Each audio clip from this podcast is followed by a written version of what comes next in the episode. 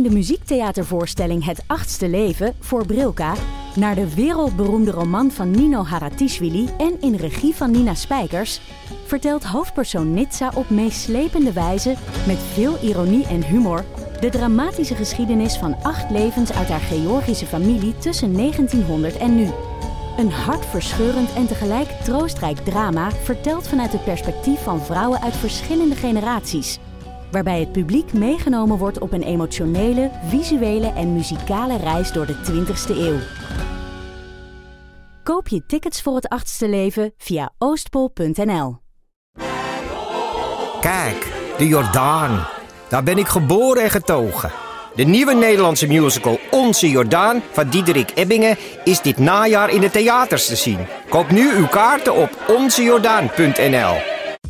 Misschien dat ik wel in slaap val tijdens deze opnames. Wat is daar de reden voor? Dat het ochtend is. Ja. En ochtenden zijn om te slapen. nee, nou ja. Hebben we het er voor alles over gehad dat de, dat de regering nu van ons een soort ochtendmensen heeft gemaakt? Eh, nee, maar ik snap wel wat je bedoelt. Ik vind het zo nice. Het was al zo. Nico zei altijd zo van de, de avondmensen hebben verloren. Ja. Want s'nachts mag je geen lawaai maken. Maar je mag wel om half zeven 's ochtends lawaai maken. Ja. Terwijl dan slaap ik. Ja. En nu is het zo van, oh, de avondklok hier. Ga allemaal maar om negen uur naar bed. Zoek het maar uit. Sta allemaal maar om, eh, om Half zes uur vijf. 's ochtends Half vijf. op.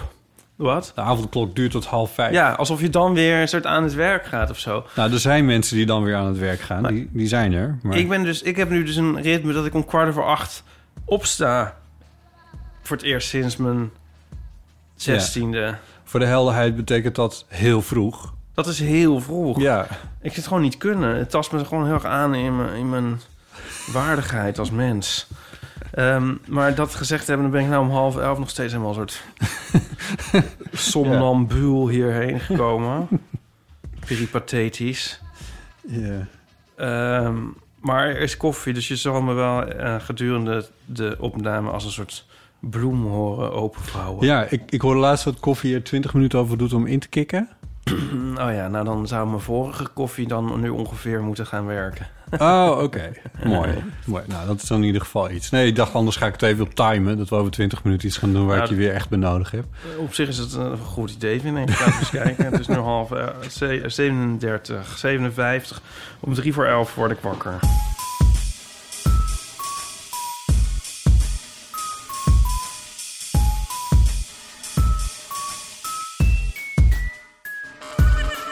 Welkom bij de Over de Amateur, aflevering 180. Eh, een wekelijkse podcast over het leven en alles wat daarbij komt kijken. Met 180. Ipe Driessen. Hardo. Mijn naam is Botte Jellema. Ehm, een bijzondere aflevering omdat we een deel van deze aflevering gisteravond al hebben opgenomen. Ehm, Oh. Ja, ehm, dus daar, daar schakelen Zat we. ik daar ook bij? Schakelen we zo naar. Oh, daar schakelen we zo naar. Ja. We gaan schakelen zo naar gisteravond. Eh, en dat was een gesprek Grappig. wat we hebben opgenomen met eh, Jessica van Geel en Robert Blokland. eh, over hun boek Als je maar gelukkig bent. Dat is geschreven naar aanleiding van het 20-jarig jubileum van de openstelling van het huwelijk voor mensen van gelijk geslacht.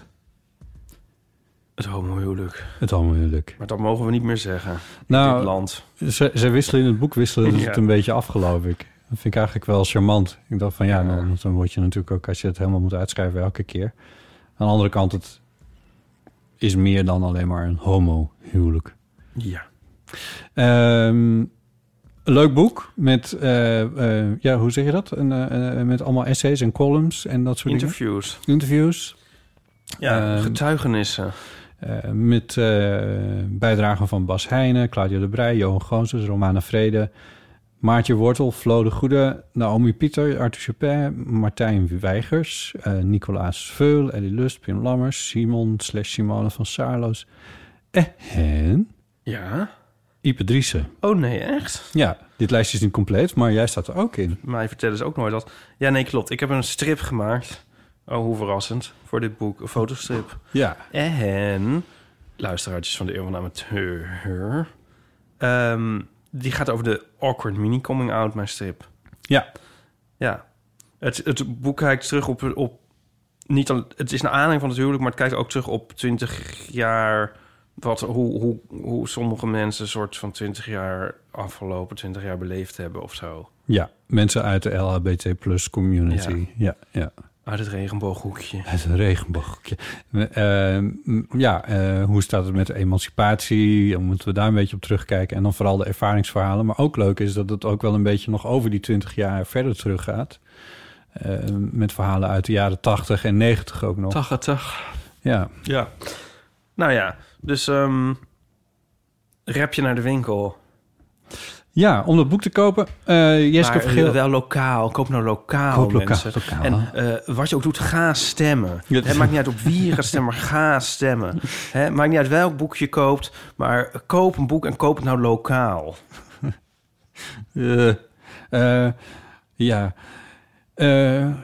Jeske Vergeel en Robert Blokland zijn bovendien beide ervaringsdeskundigen... als het over het homohuwelijk gaat. Het klinkt echt als een soort eufemisme.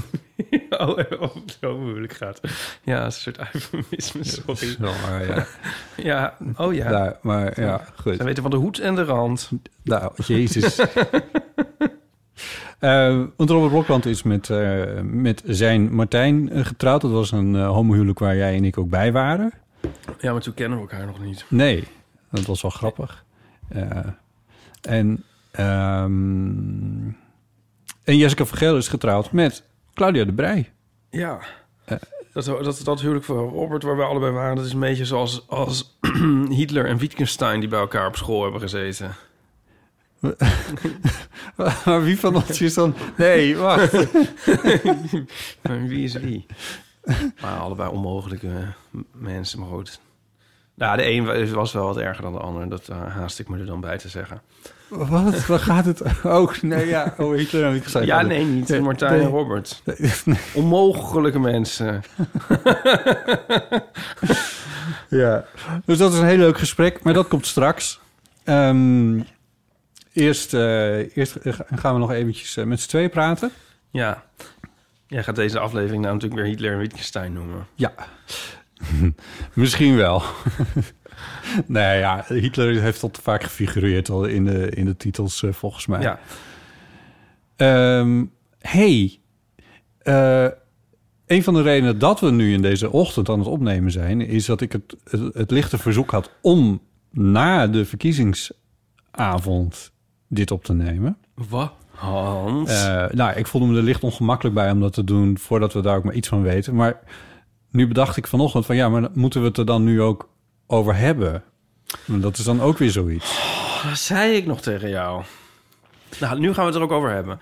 Um, ik steek even de hand in eigen boezem... om hem meteen er weer uit te halen.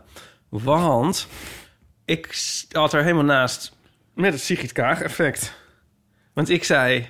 waarom wordt er gesproken van een Sigrid Kaag-effect... als het er nooit is geweest... en het er nooit zal komen. Ja. Kan je dat nog herinneren? Ja, dat kan me wel In de herinneren. aflevering genaamd het Sidney Smeets effect. Ja. Ik zei, het is er niet en het is ook nooit... Ja, waarom... Ho hoezo? Iets benoem, benoemen dat er helemaal niet is en ook niet... Nee. Waarschijnlijk is er niet zal komen, niet gaat komen en nooit gebeurd. Nou, en... ehm, nou, daar was het dan toch. Toch snap ik niet helemaal waarom je dat nu weer naar voren had. Want op dat moment was er namelijk helemaal Nee. geen Sigrid Kaag effect. Dat klopt. Dus, daarom haal ik hem er nu weer uit. Maar het was er dus uiteindelijk wel. Ja, En ehm, ook bij mij moet ik zeggen, want ik ben haar ehm, heel tof gaan vinden. ja? Vond eerst niks. Ehm, mag je zo praten? Zo oppervlakkig. Zo oppervlakkig ben ik nou eigenlijk. Jawel, maar dan stel ik gewoon nog even een, een, Ja. een vervolgvraag. Namelijk, is er, wat, wat was het kantelmoment wat dat betreft? Of wat is er gebeurd? Toen zij als enige op die groene knop drukte met eh, over het loslaten van de. eh, of eh, pff, op meer vrijheden gunnen aan mensen die gevaccineerd zijn. Ja, En toen zei zo, ehm, dat vond ik een glorieus moment. En ik was haar al eerder leuker gaan vinden, toch meer haar persoonlijke stijl gaan appreciëren, denk ik. Ik denk dat ik moest wennen. Oh, Het idee had dat ik... Ja, ik zag vond een soort krampachtigheid of zo die ik later niet meer zag. Maar ik denk dat dat meer aan mij lag dan aan haar. Dat ik iets interpreteerde als krampachtig wat er niet was. Maar in ieder geval dat moment... dat is een leuke analyse. Die snap ik wel. Ja, oh ja. Ja, want ze, dat had ik initieel ook een beetje. Van ze is toch een beetje de diplomaat. Een beetje met afstand. Zo werd ze ook getypeerd, hè? Van een beetje elitair en zo. Maar naarmate we wat meer van haar eh, kregen te zien... Ja. En, eh, ehm, en het gekke is, ik heb die documentaire gezien over haar. Die, die, die is in januari al uitgezonden. Dus dat was, dat was voor eh, de campagne. Eh, daar had ik nog steeds wel het idee bij van...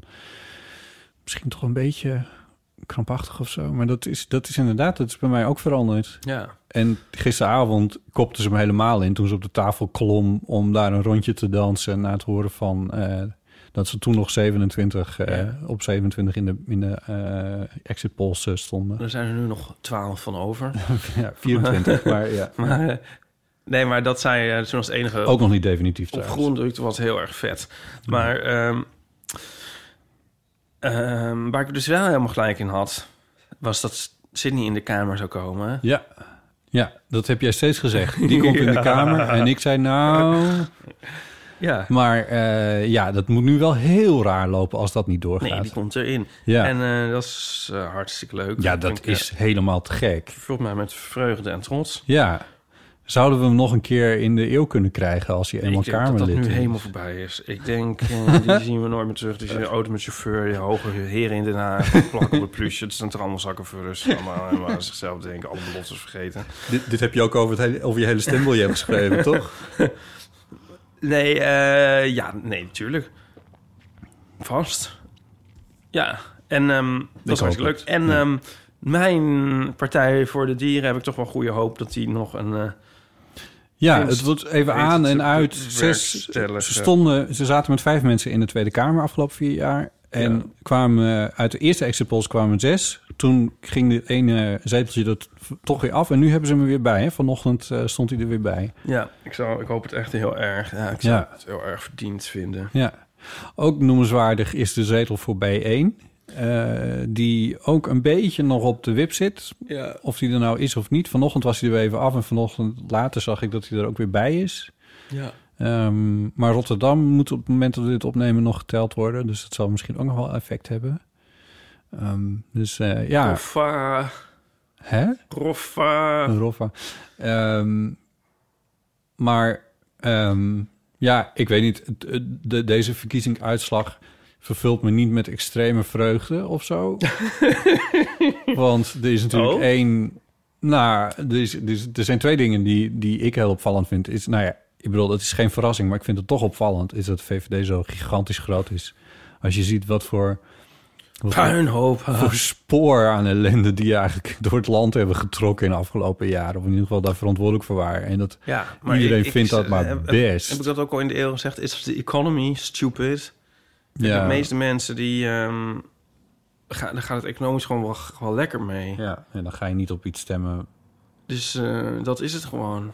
Ja, En ehm, ja, ik ben ook weer niet helemaal eh, kapot van de uitslag hoor. Want ehm, nee, dat is weer wat anders. Maar ja, al dat die... Kijk, eh, zeg maar... eh, de fascisten zijn ook een beetje versplinterd. ja, maar ze zijn wel heel groot. Ze zijn wel groot, maar ze zijn ook weer niet heel veel groter dan het al was. Nou, Toch? ze staan nu bij elkaar. Even kijken hoor, wat was het nou? Eh 17 voor PVV, Ja, En uh, iets van rond, rond de acht- 25 of zo. 8 voor eh FVD. En eh ja, 21 heeft er drie of vier, ben ik even kwijt. Dus dan zit je toch op, op tegen de 30 zetels. Ehm, met rechtser dan VVD. Ja, dat is wel groei. Jij noemt ze fascisten, ik noem ze even rechtser dan VVD.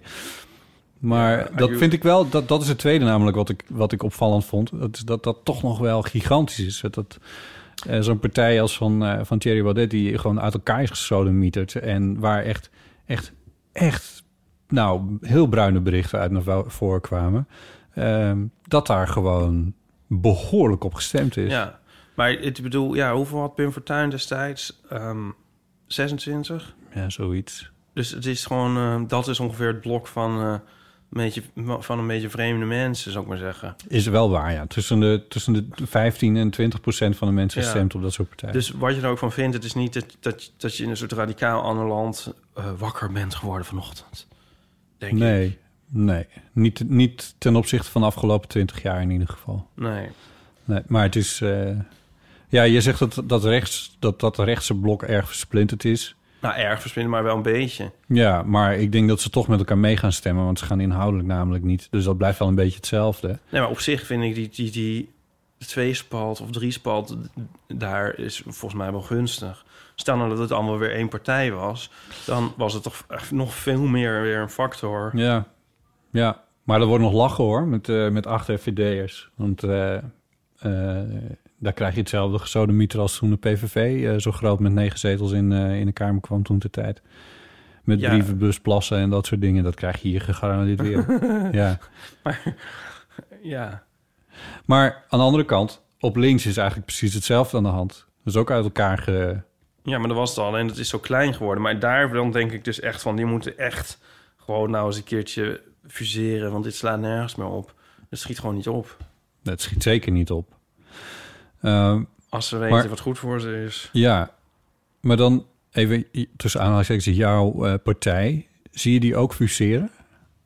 Nou, eh, ik zou me dat best kunnen voorstellen. Met een GroenLinks? Of gewoon met een heel groot linksblok? Ik zie, ze houden wel bepaalde voordelen in zitten. Maar in in een groot links... Ik denk dat je een grote linkspartij zou moeten beginnen.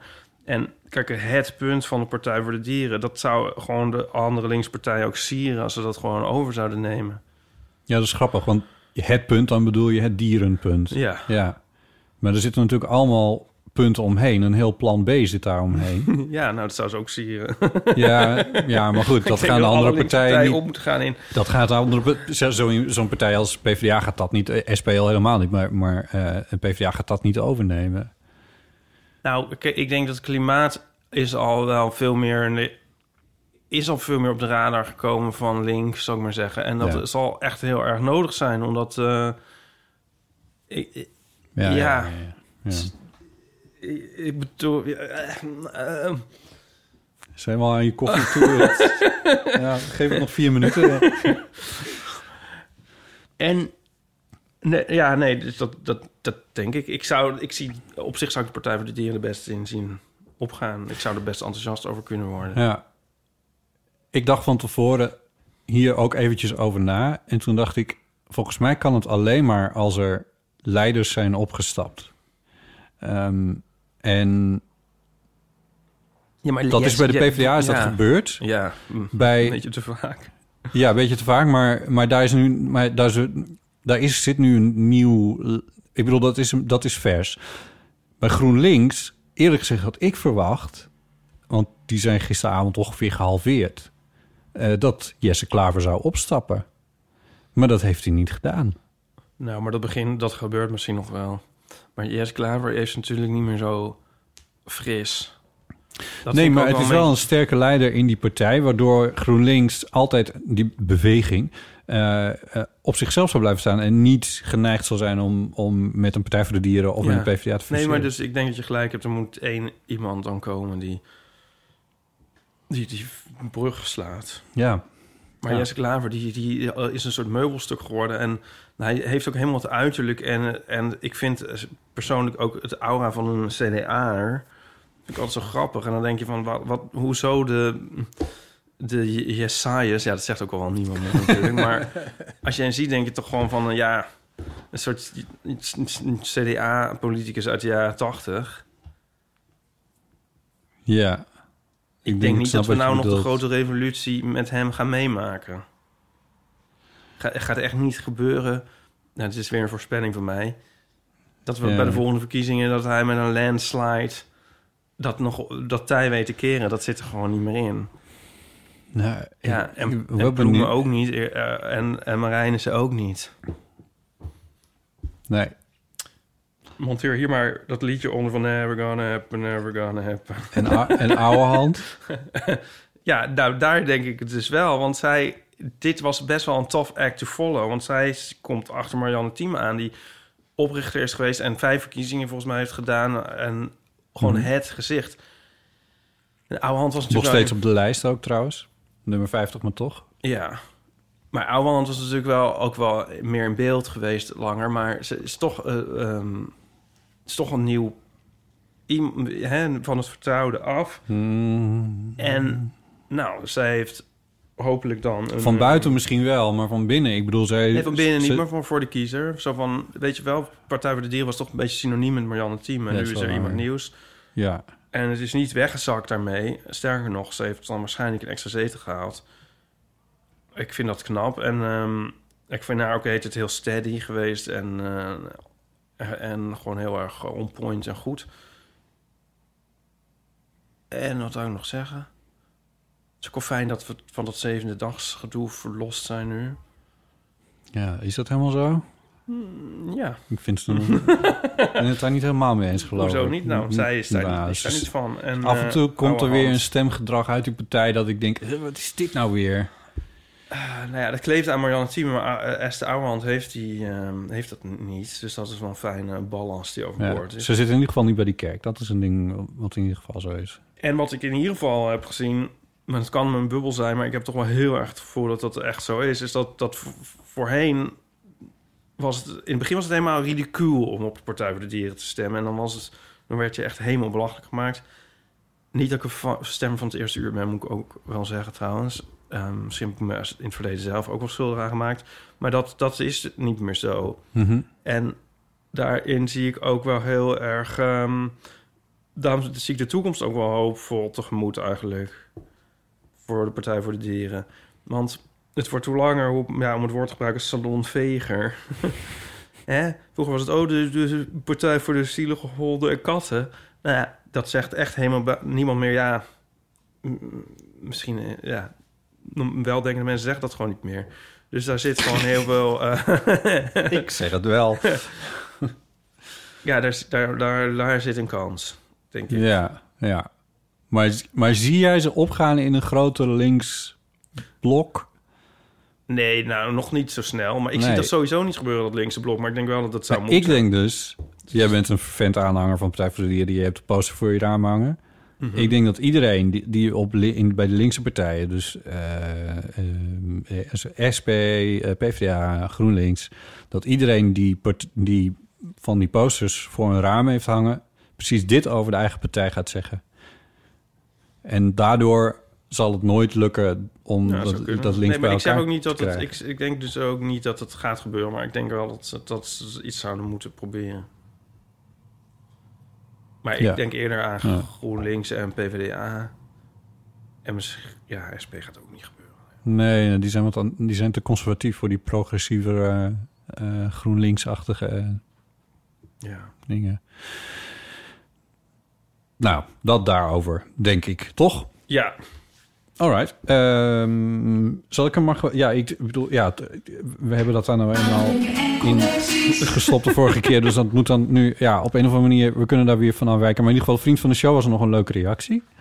Eh, dus als mensen willen reageren eh, op de aflevering... dan zei ik altijd van... Laat er een, eh, laat een recensie achter bij Apple Podcast. Maar er zijn heel veel mensen die niet via Apple Podcast luisteren. Eh, dus Oh, het is Dat- nu aanvullingen en reacties. ja, zoiets. Eh, ja, klein, kleine aanvullen, of aanvullingen en kleine correcties. En, eh, eh, en, maar ik bedoel dus, je kan een reactie achterlaten bij Vriend van de Show. Eh, en dat kan onafhankelijk van welk podcast app je ook verder... Nou ja, het is toch sneu dat alleen mensen die Apple Podcast via Apple Podcast, podcast via Apple Podcast Ja. luisteren. Dus dit is beter. Je kan ons ook een kaart sturen. Ja, nou, doe, Toch? doe dit maar gewoon zo. Maar het kan. Het kan. zeg maar. Ja, er is, een, er is een adres. Ga dan naar eeuwvanamateur.nl.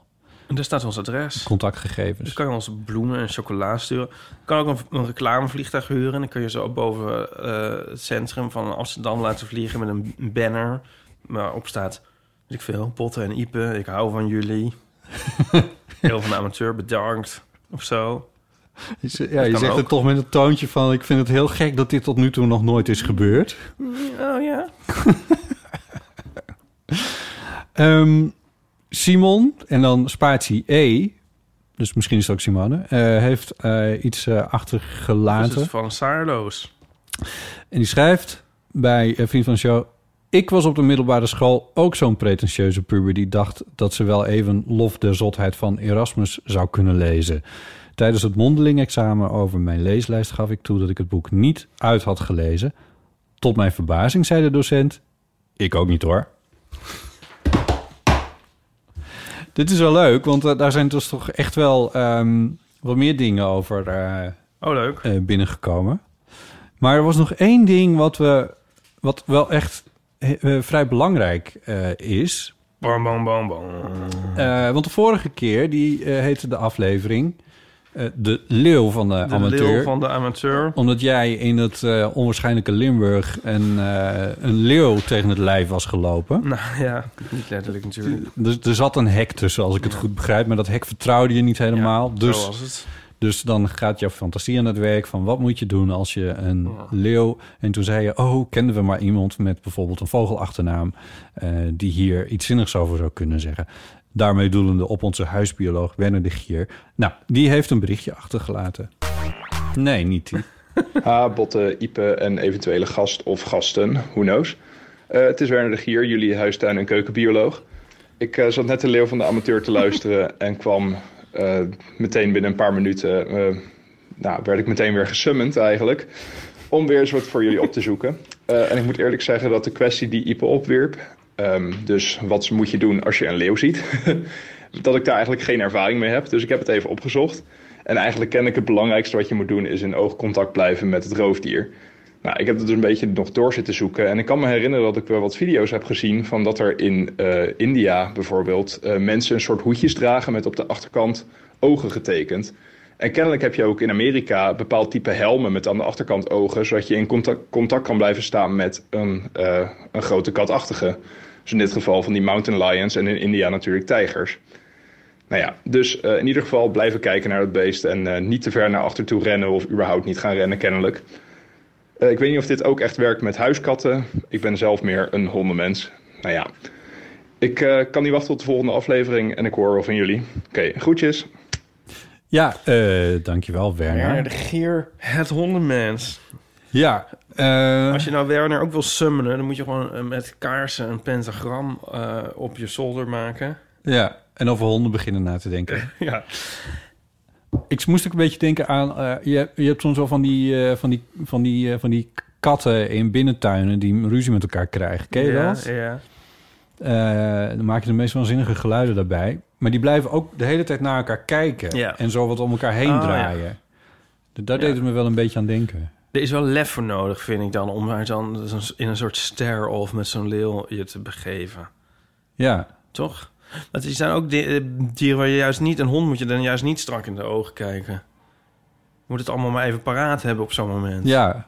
tot welke... Tot, Ja, ofwel trouwens, maar dan moet je het winnen. Nou ja, hoort dit tot de wolfachtigen of tot de katachtigen? Ja, Ja. of moet dat wel? Dat weet ik eigenlijk niet. Dat kan iemand weer anders. Ik moet ook heel erg denken aan de, na- de natuur. dat in de natuur dus heel veel... en met die hoedjes, wat hij zegt, met die ogen erop. ja. Dat de vlinders, die hebben dus ogen op hun vleugels. Ook om die reden. Is dat Ja. niet grappig? Ja. En je hebt zo'n hele vlinder die dan helemaal vleugel die heeft die eruit ziet als een slangenkop. Oh, echt? Ja, wist je wat wel? Nee, dat, is ik niet. nee, Nee. dat is zo vet. Ehm, even kijken, zal ik hem ondertussen opzoeken? Ehm Ja, is misschien wel leuk voor de luisteraars, hè? vlinder. dat even kunnen zien. Even kijken hoor. Als je vlinder en slang zoekt, dan vind je het meteen. Ehm, ja, dat is zo fantastisch, geweldig. Ja, kijk. Oh, wow. Dat is eigenlijk best wel gelijkend. Ja. Ja, dit is... Dit, dit heb ik nooit op deze manier gezien. Ik geloof dat ik die vlinder wel ken, maar Ja. ik heb het niet op deze manier... Nee, ik, het is mij ooit verteld in de vlindertuin in Emmen... door een vlinderoloog. Het gaat eigenlijk om het puntje van, eh, van de vleugel, hè? Ja, en dat ziet eruit als een slangenkop. En ehm, daardoor de, eh, blijven vogels uit de buurt. En eh, kijk, nu ziet hij, hij heeft het aan twee kanten. Ja, ja. En ehm, ja, dat doen we weer denken aan het fantastische verhaal over de, als ik het goed zeg, heikenkrab. Die heeft, een schil, heeft op zijn buikje. Wacht even. Dat ga ik je ook laten zien. En dan Ik vind, de ik mensen... vind wel dat je het waar maakt dat je op de Partij voor de Dieren hebt gestemd. Bedankt. Kijk, eh, die, ziet, die heeft... Is het nou zijn rug of zijn buik? Dat weet ik niet. Nee, ik denk zijn rug. Eh zijn schild. Waar doet je dat aan denken? Nee, weet ik niet. Nee, zie, sorry. er- zie je daar niks in? Nee, Echt niet? nee, Nee, sorry. Ik zie Er zie je toch wel een gezicht in? Oh ja, een soort geknepen... ja, geknepen. Eigenlijk van een soort, soort samurai. Ja, Zie je daar een ja samurai nu in? zie ik het wel, ja. ja. Fijn. Want Maar ja, oké, ga verder. ehm, dat is dus niet toevallig dat het op een samurai lijkt. Ehm, omdat de eh, vissers, die, eh, die, die, er is een soort legende dat er ooit daar een leger van samurai in, waar die, die, deze dieren gevangen worden, daar de zee in was getrokken en verdronken. En de vissers die, die deze krabben eh, vissen, als die zo'n krab eruit hebben en die een beetje op een samurai lijkt, dan gooien ze die terug. Al heel lang. ja. Omdat ze denken van, oh, dat is een samurai, dat is de geest van de samurai in of zo. Dat, eh, die, moet, maar die moet terug in zee. ja. Dus die dieren hebben een grotere overlevingskans. Dus steeds meer van die dieren beginnen op samurais te lijken. Want die krijgen meer nageslacht. Juist. De populatie groeit omdat ze, niet, omdat ze teruggegooid worden als ze opgevist worden. Ja, omdat ze als ze op men, als ze dus die, zo eruit zien, als ze Ja. lijken op mensen. Dat is Maar dat is, maar oké, maar verder is het toeval.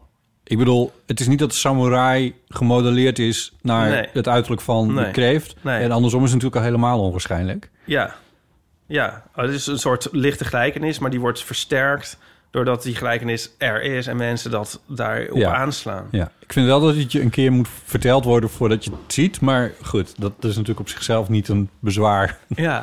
en, en dat het een populatie redt. Ik bedoel, ik hoop dat het een leuk krapje is. Nou, red, ehm, ik weet niet of die populatie verder misschien gewoon stabiel, maar die populatie die begint er steeds meer er op die manier uit te zien. ja, ja, ja, ja. Ja.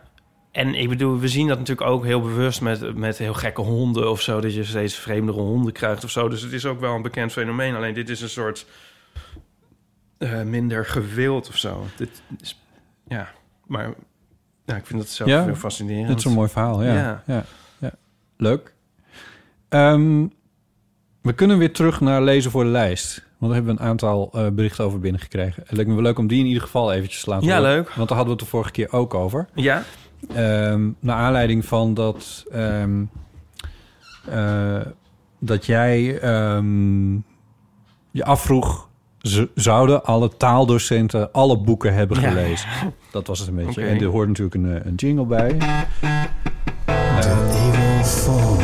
06 1990 68 71. En iemand die daarover heeft ingebeld is Hanneke. Eh, ik heb eh, in 2001 examen gedaan eh, en voor het VWO. En in die tijd moest je nog 25 eh, boeken lezen voor je Nederlands lijst.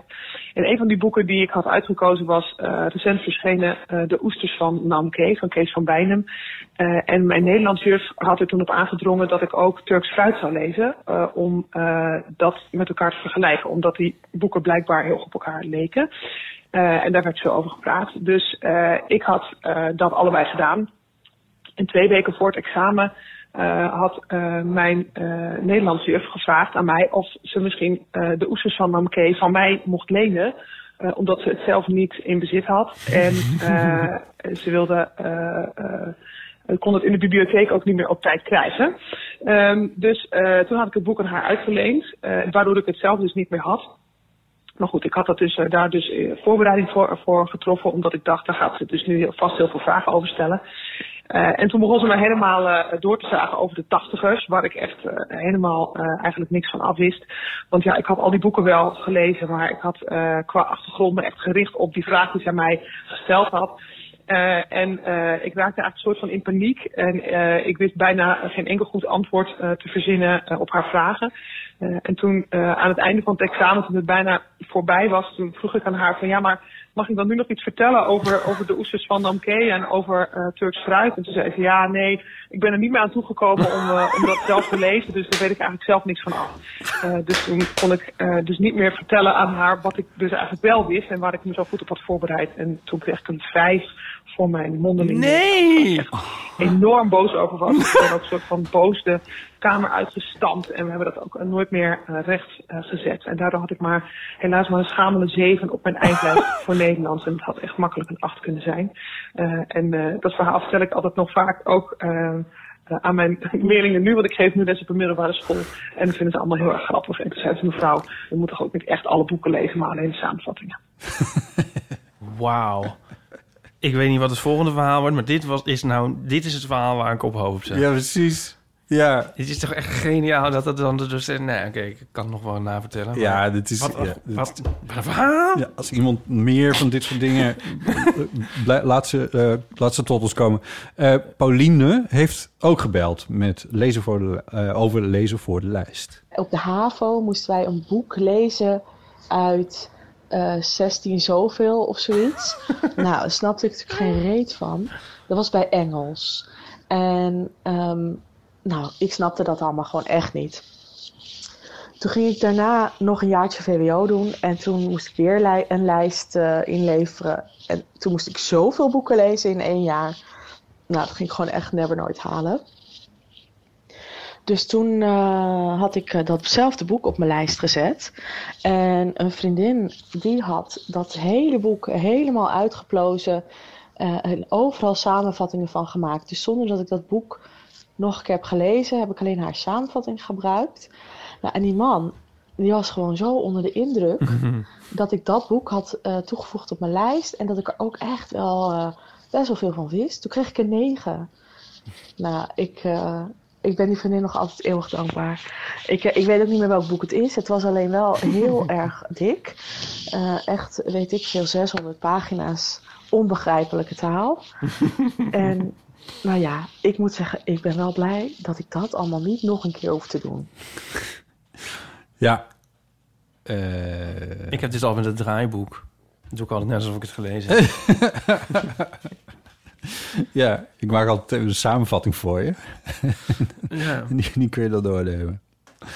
Eh, tot zover de, de, de berichtjes. Maar als er mensen zijn die nog meer eh, lezen voor de lijstverhalen hebben in deze categorie, dan eh, bel vooral in naar de Eeuwenfoon. Dat kan op telefoonnummer 06 1990, 68 71. Eh, en dan kun je voicemail inspreken. Er is ook een eh, WhatsApp-account op de Eeuwenfoon. eh, dus audioberichtjes kun je daar ook insturen. Dat werkt ook. Ehm, Maar wij komen nog even terug, toch? Na Robert en Jessica. wij, kunnen, wij komen nog even terug naar Robert en Jessica. Maar we gaan nu luisteren naar het gesprek... wat wij met Jessica van Geel hadden... en met Robert Blokland. op afstand opgenomen. over hun boek Als je maar gelukkig bent. Hoe is dat begonnen bij, eh, bij het idee van dit boek? Want jullie hebben dat ook opgeschreven namelijk. Dus ik weet het stiekem al een klein beetje. Oké. Maar ik vond het zo'n mooi verhaal. het, is, het is echt zo gebeurd zoals in het boek staat inderdaad. We waren met z'n vieren, dus Jessica en haar vrouw en mijn man en ik... eh, waren in Londen bij een concert van Barbara Streisand. Wat ook tijdens de Gay Pride viel. En toen zaterdagmiddag hadden we iets te veel van die lauwe eh, Britse bier gedronken. En toen eh, kwam het plan van, we moeten samen iets gaan doen. En toen vroegen we ons af, wat, deel- wat delen wij? En nou, dat is onze geaardheid en het feit dat wij daar gepassioneerd over zijn. En toen dachten we van, het is over anderhalf jaar, twintig jaar geleden... dat in Nederland een mijlpaal bereikt werd. Daar moeten we wel iets mee kunnen. Ja, En dat idee dat is maar blijven hangen. En we zijn een aantal keer gaan lunchen in het najaar. En eh, toen kwam dit idee eruit. En toen ging Jessica bij een paar uitgeverijen eh, shoppen. En die zeiden gelijk allemaal, dat willen wij ook, dat willen wij ook. En toen was het boek er opeens. nou, dat is wat het gaaf. plan. Ja, Toch? Als je die klop moet zeggen hoor, Jessica. Nee, Dan- zo is het gegaan inderdaad. Van, we wilden graag wat samen doen. En we kwamen gewoon te spreken over het homohuwelijk. En ik weet nou niet meer of we verbaasd waren dat het zo kort pas was... of dat het al zo lang er was. Oh, Maar we- dat is... eh, Ja, Wel maar we verschil. kwamen erover te praten van... eh, wat is er sinds die tijd allemaal veranderd? En is het nu beter of is de acceptatie juist minder geworden... ondanks het feit dat we kunnen trouwen? En daar kwamen we over en we dachten van... ja, hier moet gewoon iets overkomen. Toen hebben we heel lang zitten nadenken van wat voor soort boek we wilden. En we kwamen eigenlijk steeds maar achter dat we niet een, een soort COC-achtig voorlichtingsboek wilden met allemaal cijfers en weet je wel, een aantal huwelijken, een aantal echtscheidingen en kinderen. En weet je, zo'n formeel journalistiek boek. Maar we wilden vooral die verhalen horen van iedereen. Daar waren we eigenlijk vooral nieuwsgierig ja. naar. Nou, Ja. want j- jullie hebben die geschiedenis wel opgeschreven. Ik, Ja. eh, maar die zit lekker verstopt ergens halverwege in het boek. waarin eh, ingegaan wordt op de, de, de, de eeuwige kwestie, vind- althans zo ervaar ik hem. Of het nou Henk Krol was of Boris Oh, ja. Dietrich. Ja, Nou, ik het kan was dus heel Mies Bouwman, hè? eh, Het was iedereen Mies die- Bouwman. Ja. Het antwoord is Mies Bouwman. Mies- Mies Bouwman. Maar iedereen die ik gesproken heb, die erkent wat je verder van ook Henk Krol mag vinden op dit moment. Maar zijn rol in dit hele proces is wel eh, eh, onmiskenbaar geweest. Zonder Ja. Henk Krol was het allemaal niet gebeurd. En zonder Boris Dietrich ook niet. En zonder Mies Bouwman al helemaal niet. Want Zonder Mies Bouwman ook niet. Nee, Job Cohen, ja, hij moest alleen maar tekenen in principe. Het is een hele lieve man en hij heeft het heel goed gedaan hoor. Maar eh, er is echt eh 25 jaar aan vooraf gegaan voordat het daadwerkelijk zover was. Jessica, zou jij kunnen uitleggen wat dat was met Mies Bouwman? Wat, daar, wat zij precies... Eh, God, hoe Want heet dit die? wist ik namelijk niet.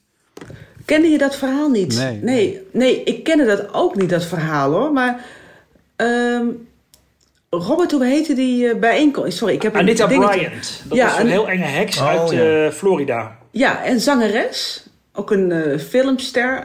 En die kwam met ontzettend, nou ja, anti-homo acties. Die wilde ook de politiek in. Ik weet het niet, wat ze wil proberen de politiek te beïnvloeden. Ja, de in wet was ieder geval. aangepast volgens mij in Florida dat, dat homodiscriminatie mocht opeens weer door haar. Ja, ja, dat was echt verschrikkelijk. En toen kwam er ook dus een, een actie in Nederland. Een hele grote benefietgala eigenlijk werd er georganiseerd. Eh, Miami, Nightmare. Miami Nightmare inderdaad. Nightmare. En Miss Bouwman presenteerde die. Met allerlei grote sterren. Onder andere de zangeres zonder naam. Die eh, geweldig, geweldig lied zong. En, en Robert Long en, Ja. ja. ja, en Martie de Bel, alle grote namen van die tijd. Ja, en dat was eigenlijk een, een, een groot momentum waarin echt veel geld werd opgehaald. En dat, met dat potje geld is het eigenlijk allemaal begonnen. Dat is zo'n mooi verhaal. Is daar, daar is een lobby mee begonnen, zeg maar, voor het homohuwelijk. Ja, Ja, er was, er was meer geld over dan ze verwacht hadden. Ze hadden twee grote advertenties geplaatst in Time Magazine en Rolling Stone volgens mij. Want daar was het Zeggen- geld voor bedoeld. Daar was het ja, voor bedoeld dat, dat Nederlandse gays konden zeggen van jongens, eh, we vinden het ook slecht. En Anita Bryant ook gek. En toen was er zoveel opgehaald door Mies Bouwman. Dat er dus Ja. geld over was. En toen zei Henk Krol, laten we eens een stichting organiseren... Ah, ja. om te kijken of het mogelijk is om het huwelijk gelijk te stellen. Daar zullen de Amerikanen wel van hebben opgekeken... dat er opeens een advertentie stond van de zangeres zonder naam. eh. Ja, maar dat is het pre-internet tijdperk. Dat komt er nog niet. ja. Dat Maar, deden blijkbaar eh, alle gays over de hele wereld toen. Dat, dat was voor mij ook nieuw hoor. Ik was toen ook twee toen dat gebeurde. Maar eh, ik vond het wel een mooi verhaal eerlijk gezegd. Ja. Zeker een mooi verhaal. ja, zeker. hey, en ehm, eh, jullie zeiden al even iets over jullie o- eh, bij de overeenkomst tussen jullie, die er tussen jullie zijn. Eh, daar komt volgens mij nog bij dat jullie beide eh schrijvend journalist zijn, ook onder andere. Eh, maar ook dat jullie allebei getrouwd zijn met iemand van hetzelfde geslacht als je zelf hebt. Ja, Eh, dus jullie kennen het van heel dichtbij. ja, ja. Ja. Ben jij, ik, ik ben nog op Roberts huwelijk geweest, geloof ik. Ah. ja, dat klopt inderdaad. Dat Ah, jij bent langer getrouwd dan Robert. Ja, ja en bij eh, 12,5 jaar deze week Ja. toevallig. Oh. Over drie dagen, ik niet vergeten. Oh, ik wel een bloemetje Ja. meenemen. Gefeliciteerd. Ja, gefeliciteerd. Ja. Ja. Nee, maar dat, dat, ja, als, je, als je een pleidooi voor het huwelijk wil horen... dan denk ik dat we allebei wel goede kandidaten zijn. Want het is heel mooi om getrouwd te zijn met je, lied, je grote liefde. Toch? Ja. Ja, Ja. vind ik zeker. Ja. Hoe- En- Hoe lang ben jij al getrouwd, Jessica? Ehm, vijf jaar dit jaar. Dit jaar Ja, zouden we een mooi groot feest dagen. geven. Ja. ja, ja. Nee, vijf jaar. Ja, Dus, 2016. dus jullie zijn niet, ja, ik bedoel, dat- je moet de liefde dan ook maar net gevonden hebben op dat moment, maar jullie zijn niet in 2001 al getrouwd. Was dat toen dat, dat- dat huwelijk opengesteld werd voor het gelijk geslacht? Dit, dit is een lange term om het homohuwelijk Ja. te beschrijven. Jullie gebruiken beide door elkaar, geloof ik, hè, in het boek. Ja, ja. Ehm, maar toen dat gebeurde in 2001, was het voor jullie toen allebei ook zo van, oh ja, dat wil ik. Nee, ik had het zelf niet. Ik weet niet wat jij had, Robert, maar ik, Ik, vond zat, het ook, wel... ik zat nog over de kast toen volgens mij in 2001. Ja, ja, een Jij was later uit de kast was een natuurlijk. hè? ja. ja. Ja, maar ik vond het wel... Ik zag natuurlijk die wetgeving wel langskomen. En ik vond het wel heel mooi dat het kon. Maar ik was ook nog... eh, nee, ik was daar in mijn relatie of wat dan ook helemaal nog niet aan toe om te trouwen of zo. Ik, zag, ik vond het in eerste instantie ook niet per se eh, een hele grote droom om dat te doen. Mhm. En, ehm, maar ik vond het wel mooi dat het kon. Dat, er gewoon, dat het gewoon gelijk werd. Wat ik nog steeds vind hoor. Van, als hetero's mogen trouwen, dan mogen homo's ook gewoon trouwen. Wat is dat voor rariteit dat dat niet zou mogen? Ja. Maar ik had niet zoiets dat ik het gelijk op mijn wensenlijstje zette. Van dat wil ik dan ooit ook echt een keer gaan doen. Maar ook gewoon geen beeld van een prinsesje zeg maar, voor het altaar. Ik, ik heb geen idee. Ik weet het niet. Nee. Nee, ja, ze zeggen altijd dat het een meisjesdroom is om te trouwen. Hè? Weet je wel, in zo'n witte jurk. Maar nee, dat had ik niet. Het werd namelijk ook niet per se eh, in de homo-scene omarmd meteen. Nee. Dat hele idee. Nee, absoluut niet. Nee, COC was radicaal tegen zelfs. Ja, want te burgerlijk. Veel te burgerlijk. Ja, waarom moest je als homo gaan trouwen? Want dat was iets van de, de saaie hetero's. Dus dat is... Daar is in, in, in de scene is er nog een strijd over geweest, inderdaad. Maar daar hebben jullie, dus, eh, dit is dan even persoonlijk, maar daar hebben jullie dan dus geen last van gehad? Nee, ik weet nog wel dat, dat zo'n Gerrit Komrij, weet je wel, die oude schrijver, die dan ook zei van, dat het een gruwelijke lachspiegel is. En die vond dat de gays echt gewoon ehm, totaal anti-hetero moesten zijn en een eigen subcultuur moesten behouden. Die vond het echt verschrikkelijk. Heterootje spelen, weet je wel, heterootje nadoen, zei hij. Eh, en er was heel veel weerstand, ook van het COC. Dat, dat wist ik dus achteraf pas. Maar ja, ik weet het niet. Zijn, Ehm, zijn die mensen nu nog te vinden? Zijn er nog mensen die zo erover denken? Is dat helemaal verdwenen? Ja, of, zijn, of, of bestaat ik dat denk niet meer? wel Die- hoor. Ja? Ik denk wel dat ze er nog zijn, ja. Die hebben jullie niet gevonden voor het boek. Het boek is, eh, het boek is meer een eh, viering wel, Paul de? Leeuw bijvoorbeeld, die zegt dat wel. Dat hij dat in het begin... Ja, dat hij dat ook- dacht. Ja, dat hij Ja. dacht. En Bas Heijnen had het ook. Ja. Ehm, maar die zijn wel gekeerd, zeg maar, Ja, in die, ja. eh, dat idee. Ja. Ja. Ik geloof wel dat er nog heel veel ho- homo's of heel veel gays te- tegen het huwelijk aanhikken. Zeg maar. Tim Oliehoek is nu bijna een kwart eeuw samen met zijn vriend. En dat komt er maar niet Ja. van. Ze doen wil er wel wel een heleboel. Ja. Dat je gewoon Oh, praktisch ja. denkt van, nou ja, wanneer gaan we dat nou doen? En wie vraagt dan wie? Dat is ook een ding natuurlijk. Ja. Oh ja.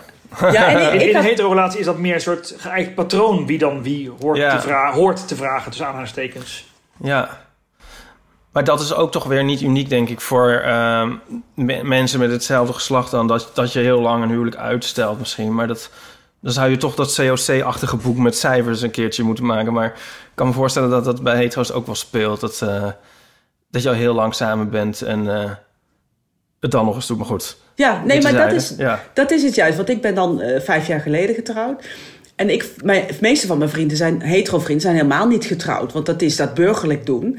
En omdat ik ben getrouwd, was dat juist weer recalcitrant Ah, in die zin, weet je wel. Dus ja, oh ja. ik, ik had juist niet het idee van, ik doe nou een heterootje na, maar ik doe juist ja. geen hetero na. Want mijn Ja, hetero-vrienden het is meer- trouwen ja. allemaal niet. Ja. Maar wat, wat, ik ervan heb begrepen, Jessica... Ja. want ik ken wat mensen uit de omweld van jullie huwelijk... Oké. is dat jullie huwelijk een soort van... ehm, een soort van trouwspree in gang heeft gezet. juist onder jullie vrienden. Ja, ja, want van een huwelijk... komt een huwelijk. Ja. ja, we hebben wel een aantal trouwerijen gehad, inderdaad. Ja. Herken je dat, dat jullie een beetje de eerste waren? En dat, want zo'n verhaal heb ik er namelijk over gehoord. Dat ze zagen hoe Ja. jullie dat deden. En dat mensen toen dachten... Oh, maar wacht, maar zo wil Ja. ik het wel. Ja.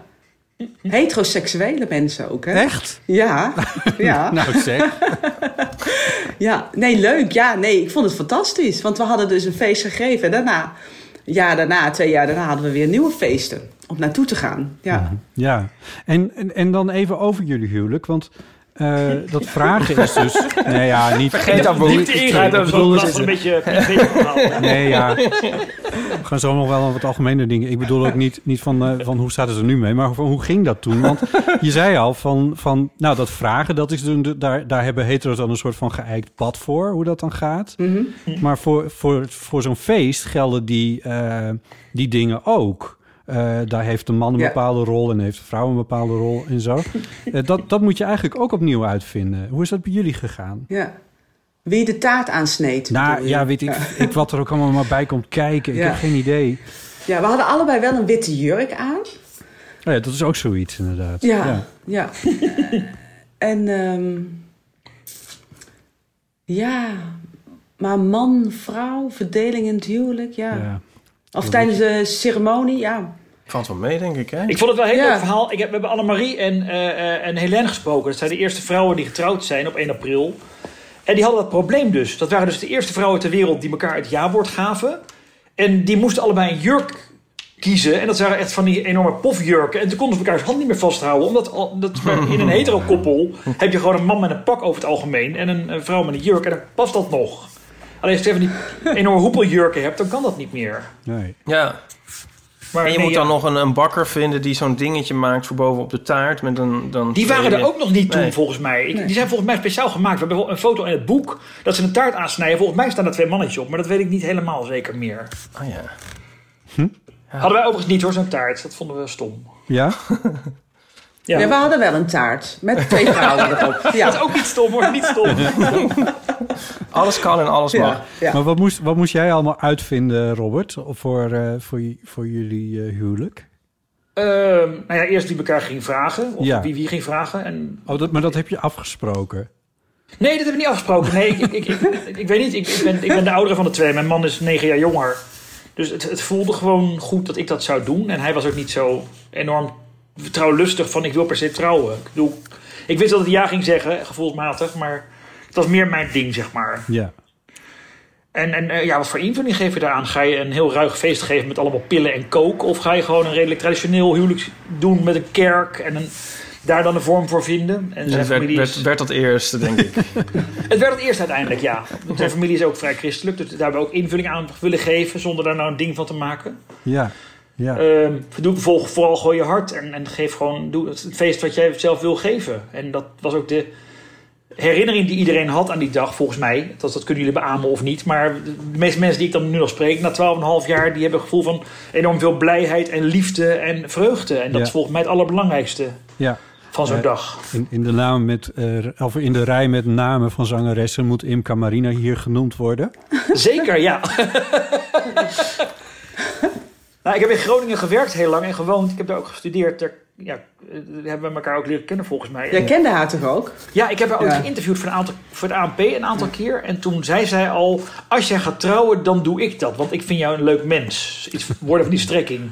En toen zei ik tegen haar van, ik zit prima, maar niet in die kapel van je. Want dat was zo'n kitscherige trouwkapel met allemaal engeltjes en beeldjes.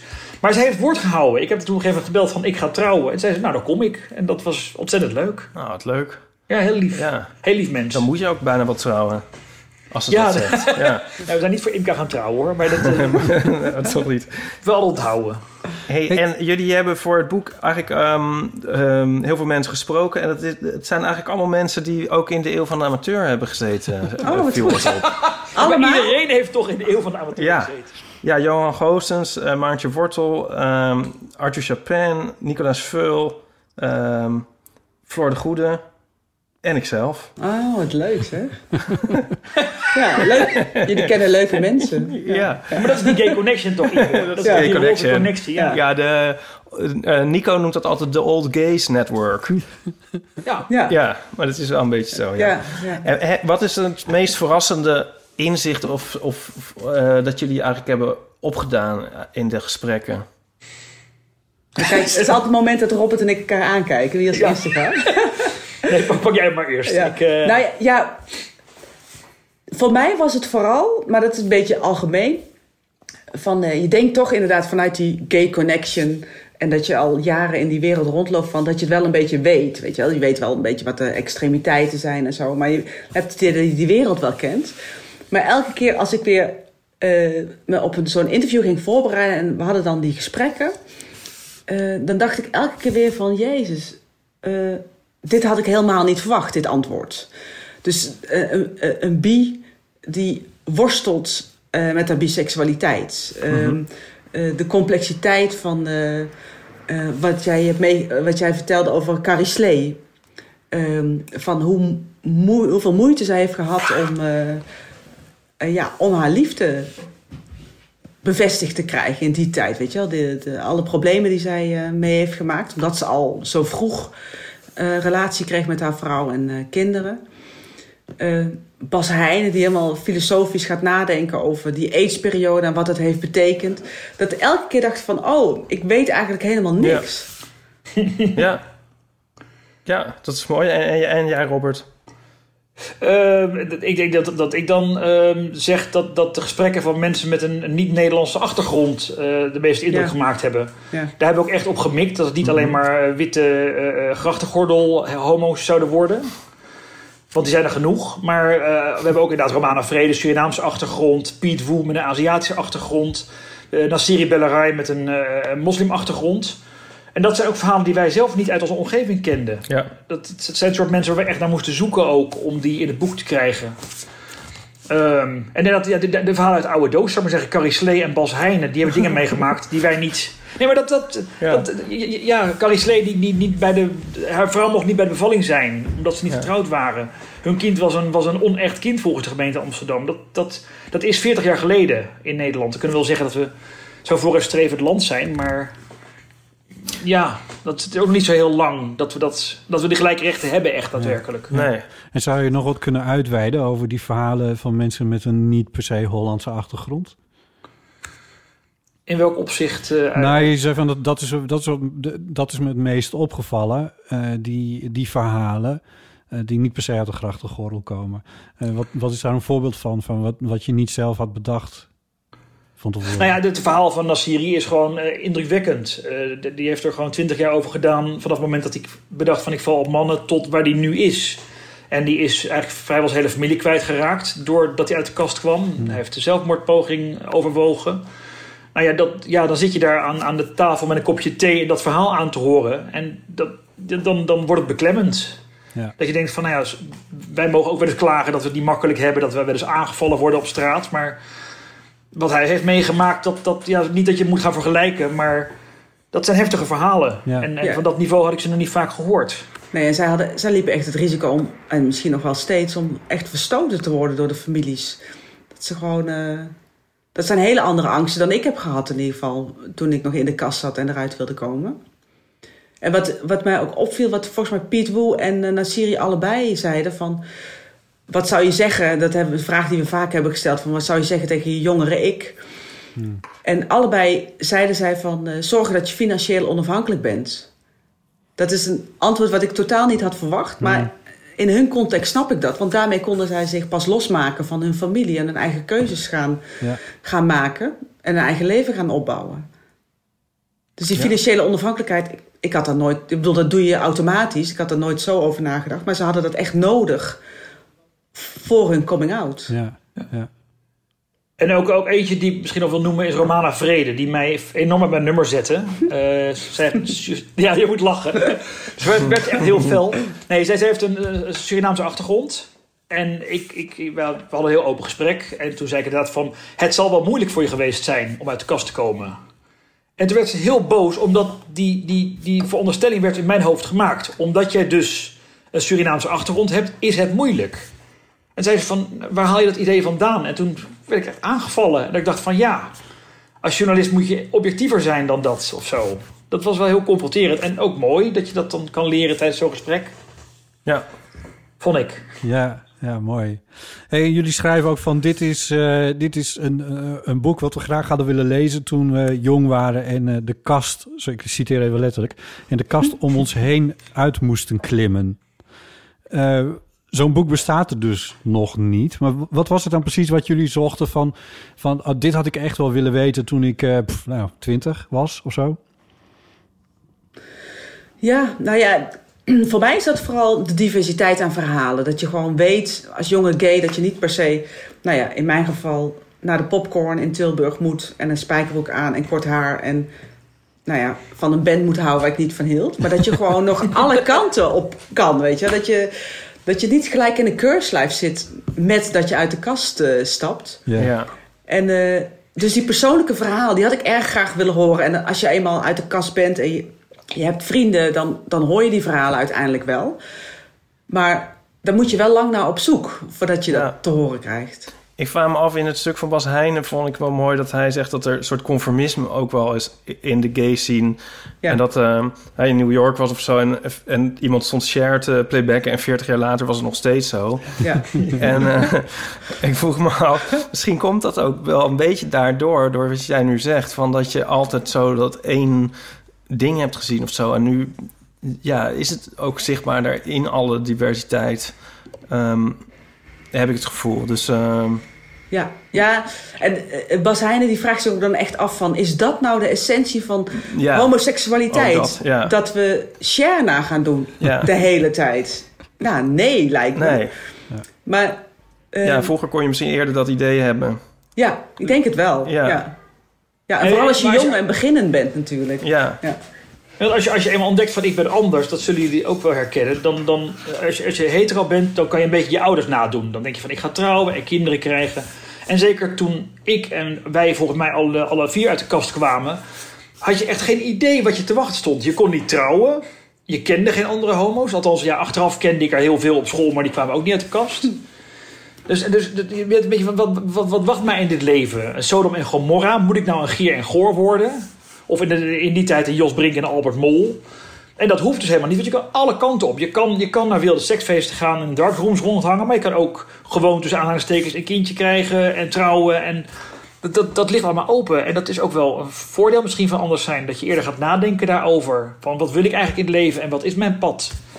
En dat is volgens mij ook wel een gemeenschappelijke factor in alle verhalen die we gehoord hebben. Dat mensen heel snel gingen nadenken van waar wil ik heen? Wat ga ik doen? Wat moet ik? Mijn rolmodel was, of rolmodel, we- weet ik niet, maar het meest zichtbare eh, gay in die tijd toen, toen ik ehm eh, jaar 16, 17 was, was eh, Paul de Leeuw. En ehm vind ik wel leuk om in hetzelfde boek ook te staan met hem. Ja, dat vind ik nog steeds eigenlijk wel cool. En ehm, ja, ook grappig om te lezen over het- pad dat hij heeft bewandeld. al, al, alles bij elkaar, dat vind ik leuk. Ja.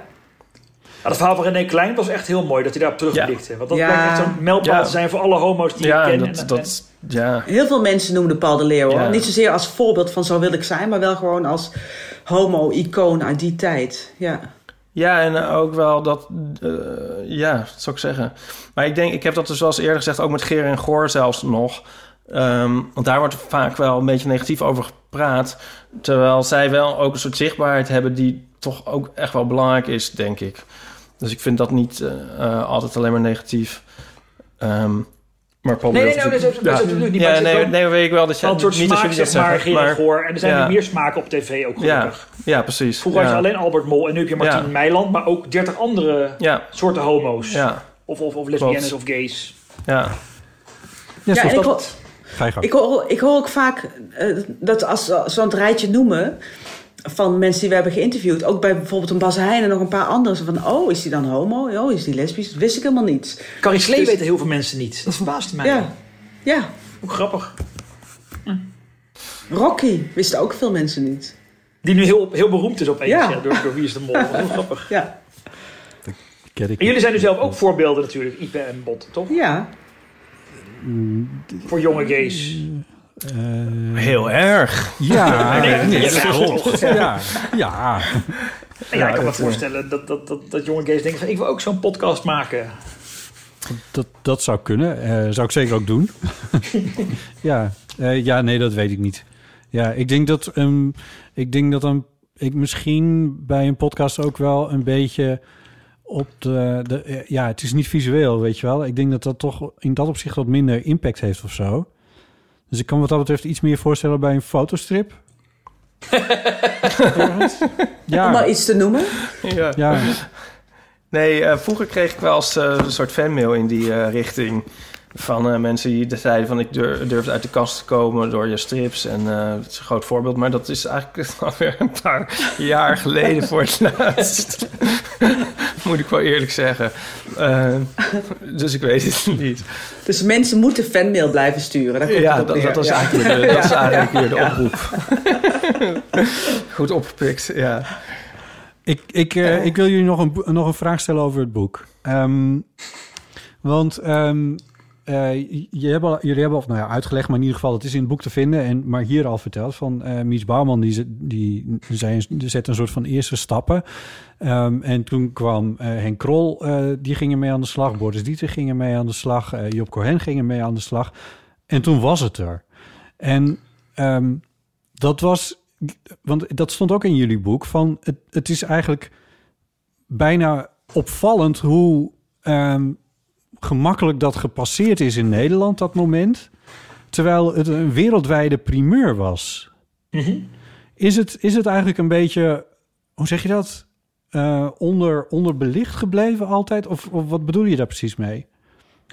Nou, wat, wat, ik, wat ik volgens mij begrijp van de mensen die ik gesproken heb, dus de Boris Dietrichs, et cetera, is dat, dat dat draagvlak dat toen was. Zeg maar, er werd heel lang gelobbyd van het moet normaal zijn voor gays om ook te trouwen. En op een gegeven moment toen kwam het intrigeerakkoord eh, voor Paars 2. Dat was Ja. een soort wisselgeld wat D66 eiste voor de VVD. En toen was het draagvlak er. En toen hadden mensen zoiets van, oké, het is geregeld. Ja, want het Of, is Oké, het is normaal. Met, met, met, eh, met een- meer dan 100 stemmen voor en iets van 33 stemmen tegen. Even de cijfers dan, maar goed uit mijn hoofd. eh, door de Tweede Kamer gegaan. Dus dat is redelijk, ja, dat is passeren eigenlijk. Mhm.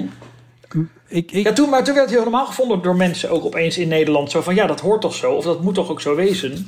Paars Maar- kabinet, hè? Ja, precies. Ja. Ja. ja. Maar is het, dan, is het dan daarbuiten, want dat is dan dus zeg maar politiek, is het, is het gewoon redelijk soepeltjes gegaan.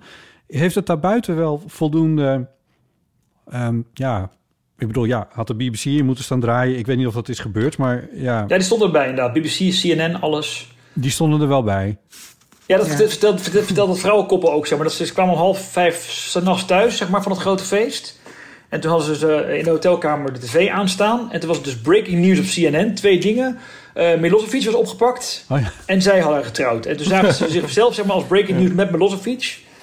Dus het was wereldnieuws. Ja, Maar, maar dat was natuurlijk op papier in principe. We zitten nog steeds in het proces dat het in de haarvaten van de samenleving moet doordringen. Dat, dat wij gays alle rechten hebben. ja? En dat was denk ik toen ook nog niet zo. Ik heb geen idee eigenlijk. Nee, maar de invoering van het homohuwelijk zelf heeft wel veel aandacht gehad internationaal, hoor. Toch wel.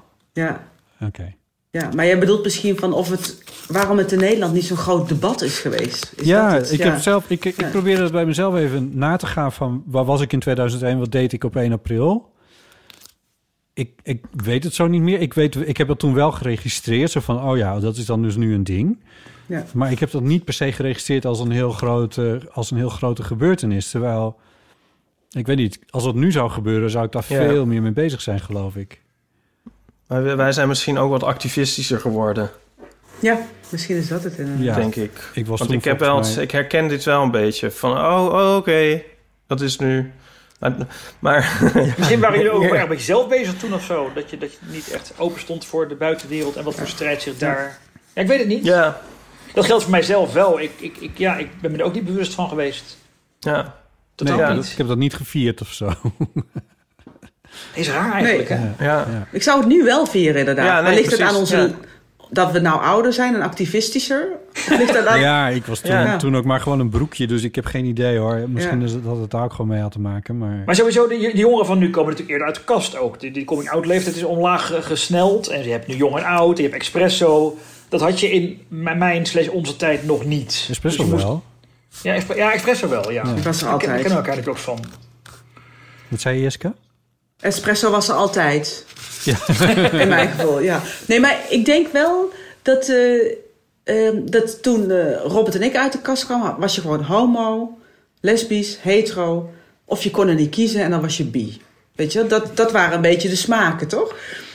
En er is nu onder jongeren veel meer diversiteit in die zin van ze praten er gewoon wat Ja. veel opener over en ze zitten elkaar minder vast te pinnen in eh, vakjes. Wat ik ook wel heel erg prettig vind. Ik vind het juist heel fijn, dat fijne tijd. Dat, dat, dat, het, dat je niet zo vast hoeft te zitten. ja.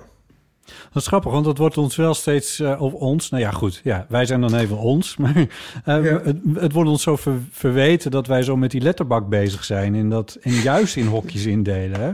Ja, Eh, ik, ja, ik heb dat zelf niet noodzakelijkerwijs zo. Maar ik merk dat dat van buiten steeds wordt gezegd van ja, je bent gewoon aan het indelen en dat soort dingen. Jullie strijden er ook een klein beetje tegen in, in dat boek, hè?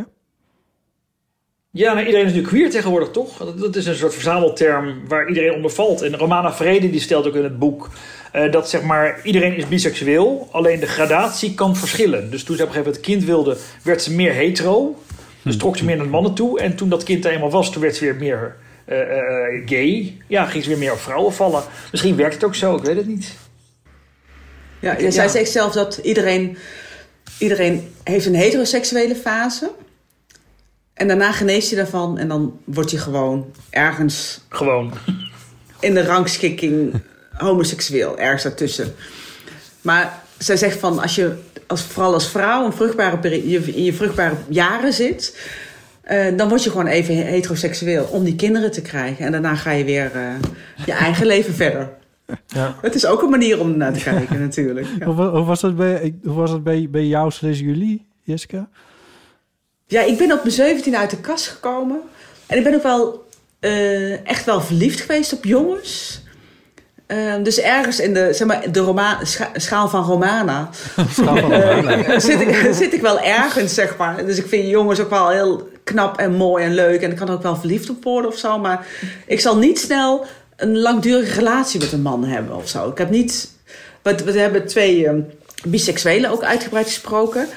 En eh Dook van Dijk en eh ehm, eh, Carolien Borgers. En ehm, daar kende ik me niet in, zeg maar. Dat het echt kan, totaal kan wisselen of zo. Hmm. Nee. Ja, ja. Ik ook niet. Ik zit na te denken. Ik ook niet. Nee, ja, nee ik, ik, ik, ben, ik, ja, ik twijfelde op de middelbare school al, maar ik vond geen voedingsbodem. Ik vond niemand die zo was als ik, dus ik heb er niks mee gedaan. En toen ging ik studeren en toen kwam ik een hele leuke vrouw tegen waar ik drie jaar een leuke relatie mee gehad heb. En, en toen pas ben ik mijn, mijn, eh, nou ja, mijn gay kant gaan verkennen. En sindsdien heb ik geen vrouw meer aangekeken eigenlijk.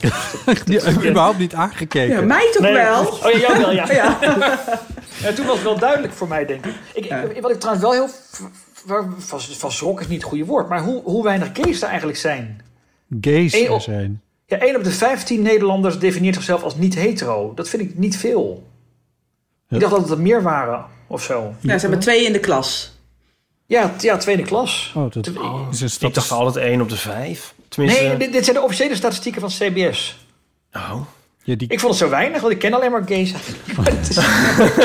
Ik dacht dat iedereen gay was. Ja, maar we zijn echt een klein groepje mensen. Daar moeten we ook voor. Ja, Dat is ook de, we voelden ook de urgentie bij iedereen die meegedaan heeft. Er zijn heel veel mensen die dus normaal hun verhaal niet doen. Het zijn ook hele persoonlijke verhalen over eerste seksuele ervaringen. Mensen als Hans Klok of Jeroen Kijk in de Vechten, die praten daar niet over. Tim Oliehoek, omdat ze vinden dat het niks te maken heeft met wat ze doen aan, aan, aan werkzaamheden. Maar iedereen voelde nu wel de urgentie van, we moeten laten zien dat we er zijn omdat er conservatieve krachten zijn in de samenleving die, die ons onze rechten willen ontnemen. Arie Slot met zijn rare doctrine op de middelbare scholen. Of eh, de SGP die het homohuwelijk weer wil afschaffen. Of, of, of zo'n jongen op een parkeerplaats in België die doodgemapt wordt. Het, het, ik, ik, ik- het gevoel zeg maar dat, dat, dat, dat ons dingen ontnomen willen worden... Dat, dat, dat leeft volgens mij wel heel breed of zo. ja Ik want... weet niet hoe jullie dat ervaren. Nou, ja, nou... Ja, maar ik vind het, vind het opvallend dat je dat koppelt aan dat mensen daardoor... dat daar nu een soort van bewustzijn eh, voor is. Want dat is dan misschien ook wel... Dat homohuwelijk is dus niet noodzakelijkerwijs een gegeven. Nee, ja, als er een meerderheid komt in Nederland die zegt van... jullie mogen niet meer trouwen, dan wordt het weer afgeschaft. Dus in of dat bepaalde? Amerikaanse staten is dat gebeurd volgens mij ook, toch? Ja. ja. Ja. ja. Net zoals als de abortuswetten die teruggedraaid worden. Wat, Ja. wat doen ze dan met huwelijken die al afgesloten zijn? Vraag ik me dan altijd af. Ontbonden. En dat, dat weet ik Nee, niet hoe dat gaat. Maar het is toch Dat, krankzinnig om er überhaupt over na te denken dat nee, dat zou is kunnen. niet leuk. Ja, maar het gaat erom dat wij zijn gewoon een minderheid. Of het nou 1 op de 5 of 1 op de 15 is. En de rechten die wij dus hebben, die kunnen door de goede gemeente ons ontnomen worden. Ja. In die zin. Dus we, we, je, je, de vrijheden en de rechten die we hebben gekregen, die zijn, die zijn niet altijd de status quo. Die moeten we altijd blijven Ja. bevechten in die Ja. zin. En uh, blijven bewaken. Mhm. En dat is best eng eigenlijk. Hè? Als je dat, tenminste, ik vond dat een eng idee. Dat je dat dus kan beseffen van... Oké, dat kan dus allemaal weer teruggedraaid worden. Ja. Ja. Ja, nee, ja. Zeker, ja. Zal ik hem inkoppen voor jullie? Daarom is het zo goed dat dit boek er nu is. Nee, ja, dat, dat, dat is... Maar ik, vind- ik vind het ook. We hebben je het vorige keer over It's Sin gehad. Hele goede serie over de jaren tachtig. En dat activisme wat toen speelde... Dat, dat, ik vind dat dat wel goed is als je af en toe stilstaat. Dat het nog heel kort geleden is. Dat mensen nog voor dat soort simpele rechten moesten vechten. En nu hebben we het allemaal wel, maar... Ja, ik, ik heb ook het gevoel trouwens wel dat, maar dat kan mijn bubbel zijn, dat de volgende jongere generatie eh LHBT-plus-ers zich daar wel bewust van zijn op een of andere manier. Die hebben een vrij activistische houding, in, in mijn omgeving dan. Ja. Waar ik, Ik altijd denk ook wel... als- in solida- solidariteit, zeg maar, zit het ook wel, denk ik. Mhm. Ik kan me nog zo'n heel grote demonstratie tegen Poetin eh, herinneren. Mhm, Ja, En ehm, ik heb het idee ook dat de, de Pride, Pride Walk steeds meer eh, leeft, bijvoorbeeld. ja, Ehm, ja. ja. De- de- de- dat is wel een mooi, dat is een mooi voorbeeld, want Eh, je had hi- hier in Amsterdam, zeg ik dan maar even, eh, had je natuurlijk gewoon de, de, de Pride als een soort VVD-achtig eh, commer- commercieel feestje. Nou ja, daar hoef je niet ingewikkeld over te doen. Zo is hij gewoon nooit begonnen in, wat was het, 94 of zo? En er, wordt, er, wordt, er werd al jarenlang werd het heel veel commercie verweten. Ja. En toen is op een gegeven moment, dat is denk ik nu vijf jaar geleden of zo... de Pride Walk bestond altijd al wel, maar was niet noodzakelijkerwijs in Amsterdam. Maar die is toen een keer, was hij dan... Hij was in veel steden geweest, toen was hij in Amsterdam. En sindsdien is er in Amsterdam voor... op- de eerste, volgens mij de eerste zaterdag van, eh, of eerste zondag ben ik van, de, van, de, van de Pride Week, eh, is er een Pride Walk. Eh, ik weet niet of hij dan ook nog in andere steden is of dat we die gestolen hebben van andere steden. Dat zou wel een beetje sneu zijn. Ik heb geen idee. Maar hij, maar hij is er en dat is, dat is ook omdat er heel veel mensen in meelopen. Dat klopt. Ja. Ja. En dan zie ik ook heel veel jonge mensen en daar word ik altijd wel heel vrolijk van. Ik eh, doe er eigenlijk altijd aan mee. Als het, eh, kan, ja, volgens mij heb ik er elke keer meegelopen. Nou, niet elke keer, maar wel vaak. Ja. 1 op de 15. Nee. Ja, je, we hopen met dit boek toch dat we een klein beetje steentje kunnen bijdragen Ja. aan een betere wereld. Ja. Dat er een paar ouders zijn of een paar jongeren of een paar grootouders die dit lezen en denken van, nou ja, ze hebben best wel een puntje of zo. Ja, en, en misschien een beetje in het verlengde daarvan vroeg ik mij nog af. Van dat homohuwelijk heeft ook nog een, heeft ook nog een soort andere. ehm, is, werd ook nog daarna nog wel in andere contexten gebruikt, of andere contexten, maar in ieder geval op andere manieren gebruikt. Van ja, maar jullie hebben het homohuwelijk al. Het is Ja. toch klaar? Ja. Ja, Wat, wat, voor, wat voor effect is, daar, ge- is dat geweest op de, in, in, in de homo-acceptatie van de laatste nou, twintig jaar? Misschien de wet van de remmende voorsprong. Dat, dat, dat Ja? we dachten van, goh, in Nederland waren we de eerste, nu zijn we er. Dat zou kunnen hoor. Het werd toch ook geroepen met, eh, inderdaad, met de invoering van het homohuwelijk. Van nu is, eh, Nu is het klaar. ju- nu is het klaar, ja. De acceptatie is er. Maar We werden- we worden steeds gevolgd volgens, volgens mij voor bepaalde rechten qua, qua meeouderschap en zo, Ja. toch? Dat is, Ja. dat is nog steeds niet geregeld. ja, allemaal. discriminatie in de artikel 1 is ook nog niet geregeld. Ja, dus er is nog wel juridisch gezien het een en ander te regelen, maar er is eigenlijk, kun je ook zeggen, ook echt wel veel gedaan. Alleen waar, waar Nicolaas veel in ons gesprek ook het nadruk op legt, is van dat er een verschil is tussen eh, eh, dat het mag en dat het, eh, ehm, nou ja, oké is om te trouwen of oké is om hand in hand te lopen of wat dan ook. En dat het echt geaccepteerd is als een volwaardige relatie of als een volwaardige gemeenschap. En dat, dat is toch ook weer niet zo. Want ik bedoel, hoe vaak krijg je nog flauwe grappen als homo? Of hoe vaak word je nog uitgescholden? Bijna iedereen die we hebben gesproken heeft wel iets van eh, geweld meegemaakt. Anti-homo geweld. Het is, en die, als je het zo bekijkt, van, het is ook weer niet echt geaccepteerd. Nee, en, en misschien moeten we gewoon, ja, mo- moeten we accepteren dat er gewoon altijd een groep zal zijn in de samenleving die ons stom vindt. Net zoals eh Nederlanders van kleur dat ook hebben. Ik bedoel, je kan wel hopen dat racisme de wereld uitgaat, maar dat gaan wij niet meemaken. Ja, denk En je misschien dat? dat het. Ben je zo negatief? Ik ben niet negatief, ik, ik, ik blijf dromen. Ik Ja. ben, ben een Disney-kindje, maar je moet ook realistisch zijn, toch? Dus er is altijd een groep mensen die, die het stom vindt dat wij er zijn. Het is soms wel een negatief te is, zijn. nou, het punt is een beetje dat het klinkt alsof je dat dan ook accepteert.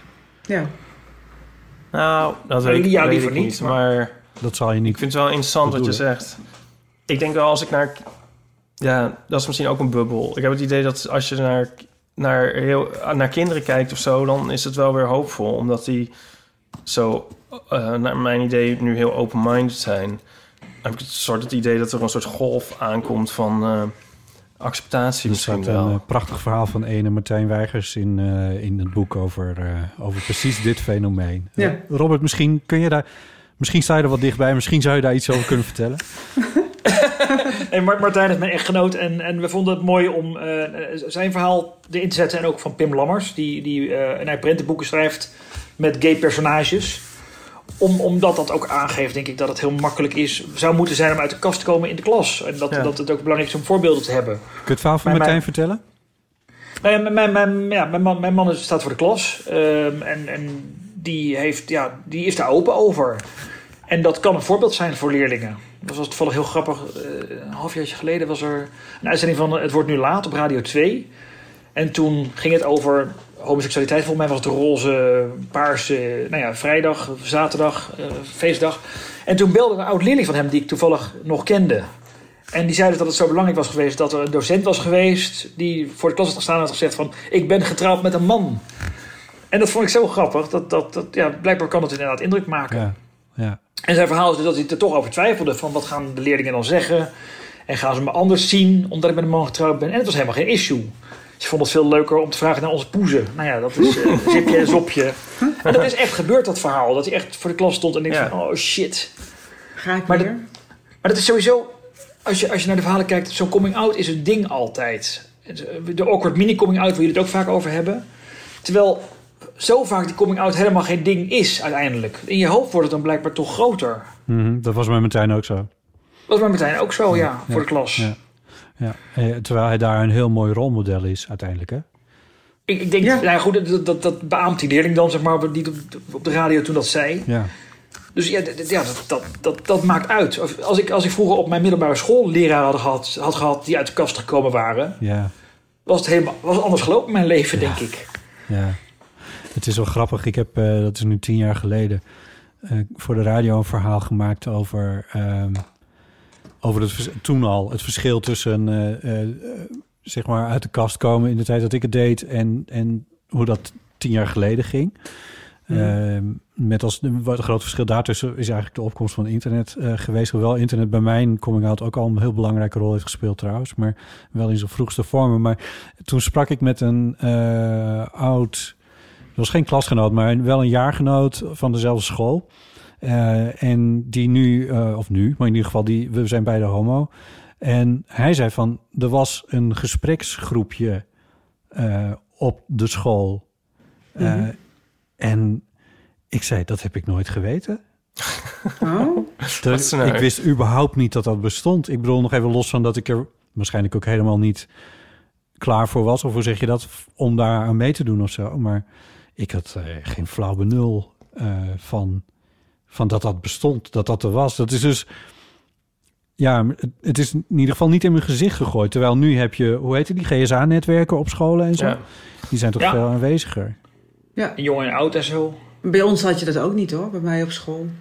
Maar was jij er naartoe geweest? Als je het had geweten, was je er dan gegaan, heen gegaan? Nou, op dat moment nog niet. Want toen had ik echt nog geen flauw idee van Ja. eigenlijk, eigenlijk nog niks. Maar goed. Maar wie waren jouw Nee. rolmodellen dan wel? Want, want Jeroen Kijk in de Vechten, die kwam ook uit de polder. En die had als rolmodellen de mensen op de radio, waar hij dus verslaafd aan was. Paul Hane, Peter van der Vorst, die toen eh Homo Nos maakte en het Roze Rijk en zo. Dus je gaat Ja. blijkbaar toch op zoek naar... Ja, nou, als, als puber kan ik dat... Ik heb geen idee, want het is... Ik wist, het, ik wist letterlijk niet wat dat was, homo. Dat is gewoon... Dat, ja, goed, ik kom uit een heel gereformeerd, dat is nog een heel ander verhaal. Maar, maar eh, toen dat wel een beetje meer op mijn radar kwam, toen was ik eigenlijk als student. Eh, toen ik er voor mezelf ook wel uit was en wie toen mijn rolmodellen waren. Ja, dat is toch een beetje ingewikkeld. Maar dat is precies wat jullie omschrijven ook van... Het waren er ook maar een handjevol. En ook wat, wat eh, Bas Heijnen dan zegt van... Ja, moet ik dan Cher gaan imiteren? ik, ik heb, Dat zouden we dat- inderdaad wel eens dat is nou, zien. nou zeg maar een beentje waar ik niks mee heb. Of in ieder geval niet had. dus dat, dat, dat ging bij mij ook niet gebeuren, zal ik maar zeggen. Nee, terwijl toen je, op, toen je op een gegeven moment uit de kast kwam, althans dat gold voor mij, daar vind je zo snel soortgenoten en lotgenoten. Ja, Dat gaat natuurlijk daar nog veel makkelijker dan... ja, maar dat was wel een compleet nieuwe wereld. Ja. Eh, dat, dat had echt nergens ook maar enige raakvlak met die wereld die ik, waar ik tot dan toe in was. En dat is ook eigenlijk nooit meer gebeurd. En dat heb ik heel spijtig gevonden. Hè? Als je dan zo Martijn voor de klas zou hebben gehad... die voor de klas dan zegt van... Ja, mijn man heet Robert. Ehm, dan denk ik van ja, dat had voor mij had dat heel veel uitgemaakt, denk ik. Dat had echt mijn leven wel veranderd. Ja, daar ben ik eigenlijk wel van overtuigd. Ja. Dus dat is Ja, wel bijzonder. Ja. Dat zullen ook wel meer zijn, denk ik nou hoor. Ik bedoel, niet, niet om een man nou weg te zetten als, als, als zeg maar... Hij, maar het is hij wel goed. uniek, maar... Nee, maar het is wel echt wel goed dat hij het doet. En ik zie bij, we hebben twee kleine jongens op de lagere school. En eh, de, bedoel, het ligt natuurlijk aan de keuze van type school eh, die wij hebben gedaan. Maar daar zie je, er zijn meer homo-ouders lopen daar rond. Weet je, en die kinderen die, die zijn daar veel gewoner mee. We hadden vroeger één Turkse jongen op school, weet je wel. Dat, dat was wat opzienbaarder. Eh, terwijl dat voor onze kinderen alweer anders is eh, dan het voor mij vroeger was. En ik denk dat in zo'n omgeving, als die school waar onze kinderen zitten, een, een docent ook makkelijker dat gesprek aan zal gaan. Ja, ja, ja. Ja, en ook, en zo kom ik dan even nog weer bij de titel van eh, jullie boek... dat er dan niet een dooddoener in je gezicht gegooid wordt van als Ja. je maar gelukkig bent. Ja, hebben jullie die ook gehoord? Ja. Ja. Ik wel. Ik kan, ik kan me dat niet eh, herinneren eigenlijk. ja. Het is vaak ook wel weer lief bedoeld of zo, maar Ja. je kunt er ook zo niks mee. Hè? nou, hij is zo dat voorwaardelijk. Ja, Een soort voorwaardelijke acceptatie. Van, van, nou, het is prima indien je gelukkig bent. Maar dat, is- dat is ook een beetje het argument, zeg maar, dat mensen zeggen van... ik vind het prima als homo's zoenen, maar niet in mijn achtertuin. Ja, dat is ook Of niet dat ik voorwaardelijk. het zie, zeg maar. Ja. dat is ook voorwaardelijk. Ja. Nee, maar dit is ook, jullie hebben, want jullie hebben die, die research wel degelijk gedaan. Ik zie dat jullie SCP-onderzoek hebben gelezen hiervoor. En dit Mhm. is ook wat SCP, die heb ik ook gelezen, omdat ik er ook verhalen over heb gemaakt. Maar eh SCP zegt dat ook steeds, van, van de acceptatie is er voor een heel belangrijk deel. Maar hij is ook voor een heel belangrijk deel, eh, is hij voorwaardelijk. Eh, Ja. Dus inderdaad door, de, van, do- door het als-woord weer te gebruiken bij zoiets. Het, als, Ja. het maar niet in mijn, als mijn kinderen het maar niet zien, als, Ja. als je maar gelukkig bent, et cetera. Ja. ja. Hey, ehm, Dit moest een hele feestelijke uitzending worden. ja, toch? Precies. nee, dus zo gaan we, mooi, zo ja. gaan we ook, eh, serieus. zo gaan we Nee, ook, je hebt wel een punt namelijk, maar zo gaan we hem ook afsluiten. blij zijn. Jessica Robert, wat moet iedereen weten over jullie boek? Eh, nou, dat ze het moeten lezen. Ja. Dat, en kopen. En wie, Ja, wie, en- wie moeten het lezen? Iedereen. Iedereen. Dus of je nou uit de, in de kast zit en je wil eruit. Of eh, je bent een tante van een, eh, een, een lesbische nicht. Of je bent gewoon geïnteresseerd in het verhaal hoe Paul de Leeuw het ooit vroeger eh, een jong is geweest en vriendjes Ja. had. En, En wat voor seks hij houdt, dat vertelt hij ook. Ja, dat, dat, dat dat ook, als je dat wil weten. Dus iedereen met een open mind, eh, die gewoon geïnteresseerd is hoe iemand belangrijke levensbeslissingen maakt. Ik heb een, ik heb een, eh, een, een, vrouw waar ik mee samenwerk en die, ehm, die heeft het wel eens over haar zoon. Daar is een beetje twijfelt van, nou, die, die, die, het zou misschien, zou misschien wel, misschien niet. Ja, Misschien moet ik het haar cadeau doen, hè? precies. Ja. Bijvoorbeeld. Ja. Laat haar maar eens leven en lezen. En ik denk dat dan de conclusie zal zijn van niet van als je maar gelukkig bent, maar eerder van het komt gewoon goed. Hoe dan ook. Oh, voor mooi. de tante of degene in de kast. Van je kunt nog alle kanten op. Ja. En het komt gewoon goed. Nee, maar dit, dit is ook zeg maar, ik, ik vind het zelf heel leuk om me te verplaatsen in andere mensen. Daar ben ik ook journalist voor geworden. Ik vind het leuk om te weten hoe andere mensen leven. eh, die niet zijn zoals ik ben. Of ze nou een andere huidskleur hebben of een andere achtergrond. En ik kan me dus heel goed voorstellen dat het leuk is of ook goed is voor hetero's om je even te verplaatsen in die roze wereld. Wat voor, wat voor obstakels komen we nog tegen, maar wat zijn ook zo'n voordelen daarvan? Het is ook leuk namelijk om, om, om gay te zijn en uit de kast te komen. Ik bedoel, het is niet alleen maar ellende en verdriet. Nee, maar de- de- ik ja, je leert leuke mensen kennen, je leert soortgenoten kennen, lotgenoten. eh, je- Leuke feestjes. je- leuke feestjes. Je, Beste. Nou ja, ik, ik, De beste ik- ik- feestjes, ja. Ja. Nee, maar dat is dat. En de meeste mensen hebben ook een beroep gekozen op basis van het feit dat ze, dat ze anders zijn. Dus het, het- ja, ik vind het zelf altijd heel leuk om me te verdiepen in andere werelden. En dat, ik kan me voorstellen dat dit voor heel veel mensen een andere wereld is. Dat ze denken van, oh ja, dus zo is het. Of zo kan het zijn in elk geval. ja. Mooi. Mag ik, ja, mag ik nog één laatste vraag stellen? Ja, aan, eh, je hebt nog, nog één, één vraag die alle andere vragen overbodig maakt natuurlijk. Namelijk, eh, wel, Robert, je bent ook filmkenner en eh, Ja- James Bond fan. Wanneer, komt, wanneer kunnen wij de nieuwe James Bond bekijken? Op 30 september staat er nu gepland. eh, Oh Ipe. nee, oh, echt 30 september pas? Ja, Maar wat, hoe, lang, hoe lang geleden is hij nou opgenomen? Eh, in 2019. 1845. Dat is wel ongelooflijk Ah, ze eigenlijk. hebben ook scènes opnieuw gedraaid, hè? dat wisten jullie? Nee? Ja, met, met de nieuwe iPhone zeker. Ja, met een nieuwe iPhone. En Niet. Nieuwe, Oh nee, Nou, voor de sponsoring? nieuwe gadgets hebben. Daar betalen bedrijven heel veel geld voor. Oh, echt waar? Nokia Oh. uit, uit 2000, eh, nee, 2018 Dit rondloopt, je kan niet. Dus zeg maar, die, die shots zijn allemaal opnieuw gedraaid, schijnt. Maar dat is bevestigd, Wauw. maar...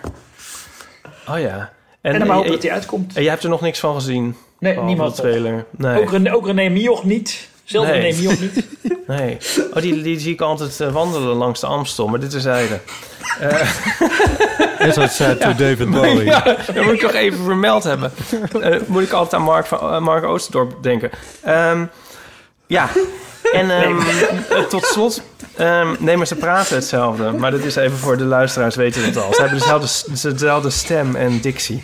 Ik zat Eh, er een hele uitzending naar te kijken en te vragen op welke vraag zat je daar te broeden. ja. En even nog één, vraag, nog één korte vraag ook voor jullie allebei. Ehm, en dan begin ik ook weer bij Robert en dan gaan we daarna naar Jessica. Wie zou je meenemen naar de maan? Mijn man, denk ik. Ah. Is dat heel saai? Nee hoor. nee, dat kan, ja. Ja. Absoluut mijn vrouw. Oh ja. Want die, Nou, wil, zo toch die weer zou dat gewoon heel graag naar de maan willen. Ja. Ja. Oh ja. Is dus als ik haar niet mee zou nemen, dan, eh, dan zou zou ik dat niet meer terug ja. mogen komen. Oh, aarde. overgemaakt ook natuurlijk. Ja, Andere daarom. Kuipers. Ja, Ja. ja. Ja. Ja, dat moet en jij- ik. ja, Ja. nee, oké. Het is Ja. helder. En jij, Botten? Wie ik mee zou nemen naar de maan? Ga, wil je er ook nog een context voor deze vraag uitleggen? Of heb je zoiets van, dit laten we gewoon bestaan? Dit laten we gewoon zo bestaan. Oké. Ehm, ehm, nou, kijk, ja. Eh, ehm, op zichzelf is het niet een heel, eh, zeg maar... Wat is dit voor antwoord? Verbruiksvriendelijk. Ja. Nou ja, het is geen eh center Oh, je zou een vervelend iemand meenemen. Ja, want je overleeft daar namelijk niet. Dus dan, nou, het, bedoel- het idee is gewoon even naar de maan rondkijken en weer terug. Ja, precies. Oké, het is gewoon een ronde... Dus je bent niet dood? Nee, precies. Nee. nee. Oké. Nee, anders hadden zij ook iets anders. Hadden onze gasten misschien ook iets anders gezegd. Nee, is natuurlijk waar. Ja, sorry, Dus wat wie zou je dan nemen? Wie zou je meenemen dus? ik- Nou, zal ik jou gewoon meenemen? Is dat niet Nou, gezellig? dat hoopte ik nou zo dat je dat zou zeggen. Want ik wil ook heel graag naar de maan. Dus mijn kansen worden al groter en groter. Ik zou echt zo graag een keer in jouw hoofd willen rondlopen. Dat lijkt me fantastisch. Eh, ja, dat kan ook. Nee, eh, nee het was een thee, dit is een theezakjesvraag. Die doen we altijd. Ehm, en eh, ik vond dit wel een hele leuke. Het is een hele leuke, ja. Ja. ja. Ik, eh, ik vond het een heel erg gezellig gesprek. En eh, ik had gewild dat we dit gewoon met z'n vieren aan een tafel eh, Ja, hadden kunnen voeren. Ja. Maar het moest Ja. even digitaal. Maar ondanks die beperking eh, vond ik het heel erg fijn en gezellig. En we hebben een mooi inzichtje gekregen in jullie boek. Als je maar gelukkig bent. Het verschijnt... Wanneer verschijnt? Wat is de datum? 1 april. 1 april. Oh, ik dacht 30 maart, maar rond, rond die datum. Nou, Ja. dat is rond. Ja. Ja. Ja. Je kan hem al Ja. bestellen op allerlei websites en boekhandels. uiteraard. Sowieso. Ja. Eh, doe dat mensen. Geef een cadeau. Of zo. ja. Lees hem zelf natuurlijk ook. Ehm, bestel er twee. Heb je zelf ook een. Eh, En Ipe staat er ook in. Hadden we dat al gezegd? Ipe staat erin met een hele leuke strip. Ja, dat eh, hebben we nog niet gezegd, maar dat zeggen we misschien wel in de inleiding. En dan zeggen we het nu nog een keer. Oh, sorry. Dat zou Ja. zomaar kunnen dat we dat in de inleiding... En Flo ook. Dan hebben we die allebei Ja. als twee gay-iconen die erin moesten staan. Robert Ja. Blokland en Jessica Vergeel, hartelijk dank.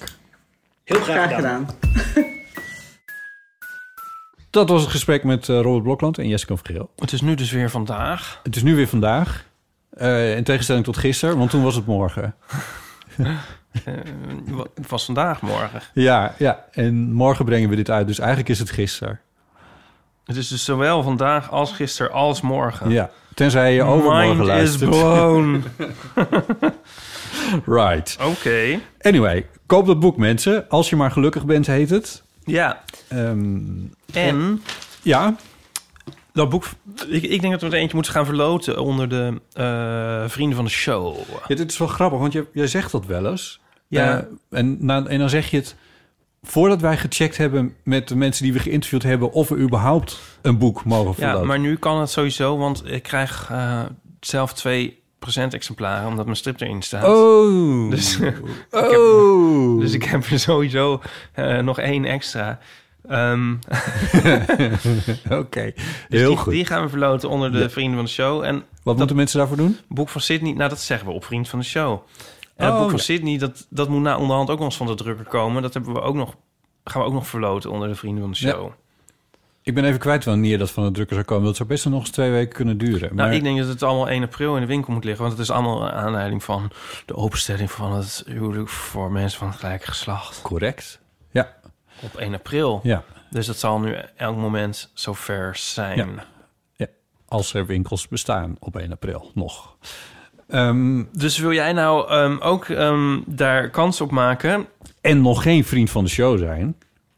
Ga dan naar vriendvandeshow.nl slash il. Eeuwen. Ja, En de afgelopen tijd deden een aantal mensen dat reeds. te weten... Tota, Evelien, Ellen... Florine. Ja, ik wil wel, je moet bij moet zeggen Florine Schaap. Er staat Florine Schaap. Ze heeft zelf opgeschreven Flori- Florine Schaap. Dat vind ik zo'n leuke naam. Het is een heel mooie naam. Ik wou dat ik zo Je hebt natuurlijk een zwak voor dierennamen. Ja. Ja. Ja. Werner de Gier, Tim de Gier, Florine Schaap. Ja. En Helga. En Helga heeft het ook gedaan. Dit eh, kost ze 2,50 euro in de maand. Nou, dat is te geef. Daar, daar kun je, als je mazzel hebt, kun je daar ergens nog een klein sterk bakje koffie voor kopen. Maar Op straat, zijn tijd te verkleumen. ja, kan beter thuis zetten en die 2,50 aan ons geven. misschien wel. Eh, dus al met al is dat niet zo heel erg veel. Ehm, Tenzij je meer een glühwein type bent. Want dan is dat is duurder. dus en dan het is dit thuis minder lekker. Dus dan kan je beter niet vriend van de show worden. Nee, maar als je je glühwein kan veroorloven... dan kun je en op straat een glühwein kopen voor 6,50 euro... en vriend van de show worden. Dat, dat is op dat punt niet zo'n probleem meer, volgens mij. Trouwens, glühwein, waar hebben we het over? Het is lente. Het is lente, ja. Hier zit misschien wel een strip in, als het dan eindelijk lekker weer is. En ik dan zeg van, ik mis de glühwein. Er was zo'n glühweinroute door Amsterdam. Hebben we het daarover gehad? Goed. Ja, het was echt vreselijk. Maar dat was toen, toen alles dicht was in de winter. En dan kon je een bepaalde route lopen... en dan liep je van glühweinsteentje naar glühweinsteentje naar glühweinsteentje. Weet je wat goor is? Witte glühwein. Oh, witte glühwein. Oh, nee. Ja, dat is goor. Ja. Dat hebben ze in Duitsland. Toen, voor corona, Maar Toen we nog een leven Een hadden. beetje, een beetje verspilling van wijn, toch? toen waren we zo met een groepje vrienden. Het klinkt zo idyllisch. Dus het klinkt, ligt eraan of je me wel of niet leuk vindt. Als je me, als je me leuk vindt, klinkt het idyllisch. Als je me haat, dan denk je van... Ach. Toen waren we zo met een groep vrienden naar een, de gay kerstmarkt in Keulen gegaan. en toen gelijk maar naar alle kerstmarkten in Keulen. Ja, want je bent er toch. As one does. en ehm, daar maakte ik kennis met het verschijnsel witte glühwein. Ja, dat is geen aanrader. Ik vind rode glühwein wel heel lekker. Oh ja. Soms. Ik bedoel, hè, mits goed gedaan. Ja, nee, ik ben het not, functioneel is not en a- smaakvol gedaan. not a fan. Maar, eh, maar beter dan chocolademelk. Dat, dat is in ieder geval wel. Chocolademelk, ja. Dat, ja. Met slagroom, dat vind ik echt het ergste. Ja, sorry hoor. Ja. Als puber at ik, at ik dat eigenlijk. Nam ik dat als eten. chocolademelk met slagroom. Ja, als, als ik honger had, zeg maar. Ik beschouw het als eten. Ik beschouw het niet als drinken. Dat vind ik trouwens een heel lelijk woord, drinken. maalt, maaltijdmelk. Ja, maar goed. Ik, het laatste, de laatste keer dat ik chocolademelk heb gedronken in mijn leven is al geweest. Het opstandige, eh, het opstandige punkbandje eh, uit mijn eh, jeugd op van onze middelbare school had een, had een nummer dat heette Maaltijdvla. Mm. Ja, zit wat in. Ja, het is ongeveer waarheid geworden onderhand. Want je kan van die shakes kopen dat je Ja? denkt, wat, wat de fuck is dit? Maar ja, toen Ja. was het heel goor, Ja, het idee. toen... ehm, ja, Alsof je nog, eh, alsof je nog, eh, alsof je, je, je, je, je, je- de, de, het bakje waar je de yoghurt uit eet, alsof daar nog, dan nog restjes rode bieten in zitten. Anyway. ik zit te denken aan... ehm, nee, toen het uit was met Willem, toen was er een jongen... en die ehm, kwam mij een soort ehm, redden. En die zei, ja, ik kom wel eh, chocolademelk met je drinken. Oh, nou, dat is Ja. dan wel weer heel... En ik zei, ja, maar ik hou niet van chocolade. maar Ja, maar ja, ik zit... ja. het was een heel dwing- gaat het natuurlijk niet. Nee, het was een heel dwingend... het was een heel dwingend type. Hij was Oh. ook heel knap. Dus heeft je, heeft je En- daarna gedwongen om chocolademelk te drinken? En eh, ik had de hele tijd afhouden. En toen wordt het eigenlijk... Ja, nee, maar dan eh, ook even eh, vrijdagavond. Nou, en toen waren we naar een of ander café gegaan. En toen zeiden ja, nee, nu gaan we ook chocolademelk drinken. Want daar was het allemaal om begonnen. Oh. Dus toen heb ik chocolademelk gedronken. Waarom, was, kwam dat ehm, niet, eh, waarom kwam dat niet binnen bij hem dan, dat je dat niet wilde? December 2011. Nou ja, Eh, waarom kwam dat niet binnen? nee. Nou ja, dat, dat kwam wel meer niet binnen bij hem. Nou ja, Ehm, die types heb je. Ik eh, zeg altijd tegen mensen dat ik met ze koffie ga drinken. En dan, En dan drink ik nooit koffie. Precies. Ja. Maar dat is een beslissing die heb ik geleerd. Dat kun je beter tot het laatste moment kun je dat uitstellen. Ja. Dat je duidelijk maakt dat je geen koffie gaat drinken. Want anders krijg je er namelijk discussie over. Oh, dus ja. dit is misschien een tip. Als je van die dwingende types hebt die chocolademelk met je willen gaan drinken... en je wil geen chocolademelk drinken... dan zeg je ja, ja, ja, ja, ja... totdat je aan de bar staat. En dan zeg je, Oh, ja. ik wil thee. Als dit zich ooit nog eens voordoet, wat toch wel onwaarschijnlijk lijkt. Maar het heeft me uiteindelijk wel geholpen toen. De chocolademelk. De hele, de Ja. hele voorval. Oh ja. ja. als je ook zegt tegen iemand van... zullen we thee gaan drinken? Dan klinkt het veel meer alsof je om vier uur wil afspreken. Zoals je zegt, zullen we koffie drinken? Klinkt het meer als tien uur. Ja, ja en de mouwen zijn opgestroopt. En, Ja. en er gaat wat gebeuren. Ja, een thee is meer met een trui en een koffie is meer met een overhemd. Ja, met, met, thee is met zo'n zo'n trui waar je de mouwen zeg maar, van, Ja, van over over, je- over ja. je polsen hebt getrokken. Ja. En dan zo met twee handen zo'n beker van... Nee, ja, ik weet het, I know. Maar eh, dat, dat hoeft dus niet. Nee, dus daarom zeg jij koffie. Terwijl het ja, je, is. ja. ja. je houdt gewoon... Maar echt, geloof me, dat, die beslissing moet je Ja, nee, uitstellen... ik snap het, ik geloof het. Totdat het besteld wordt. Ja. Toen we dingen nog bestelden. Ja. Wil jij nou ook koffie drinken met botten? Ga dan naar... Mail dan naar uh, koffie.eeuwvanamateur.nl Right. Eh, vrienden van de show hebben we verteld. Eh, onze website is er. Dat is misschien wel leuk om te weten. eeuwvanamateur.nl Ja, ik ga nog even dit bericht voorlezen, want anders hebben we de volgende keer zoveel. Ons postberichtje. Ja. Wist je dat dat van diezelfde Florine is die we... Ik zie dat er nu onder staan. Heel goed. Florine. Eh, eh, er is ook een titel, heeft dit eh, poststuk, namelijk BN'ers tegenkomen. Ja, die, die schrijf ik, hè? Oh. Ja.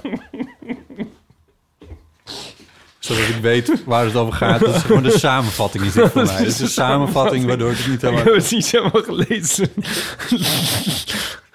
Je kunt het hier ook bij laten. Zijn begint. Yes! Ik ben zo blij en opgewonden. In aflevering van 12 maart, mijn verjaardag, belde er iemand om te zeggen dat die Pauline... We kunnen haar echt... Zij heeft echt al haar informatie nu ongeveer prijsgegeven. De enige wat ontbreekt is een BSN. Ja. Belde er iemand om te zeggen dat die Pauline tegenkwam en gedag wilde zeggen. Dat net niet deed enzovoorts. Toen ging mijn hart al sneller kloppen, want ik dacht... Misschien gaat Ipe nu wel zeggen dat iemand hem een keer gedag zei. En ja, dat deed hij. Ik ben ook zo voorspelbaar. Ik had overigens, nadat ik Ipe tegenkwam, het totale gênant gevoel. Maar dat mag ik loslaten, want hij vond het wel leuk. Gelukkig. Ik wil zo graag eens in de podcast komen. Heb ook al wel eens iets ingesproken, maar toch weer gewist... omdat ik mezelf en het verhaal toch niet gevat genoeg vond. Daarom, daarom heeft ze dus ook haar naam en toenaam erin gezet. Zodat ze zeker weet dat, Dat zij het is die in het... Ja. ja. Maar nu ben ik er dan toch indirect een beetje in voorgekomen.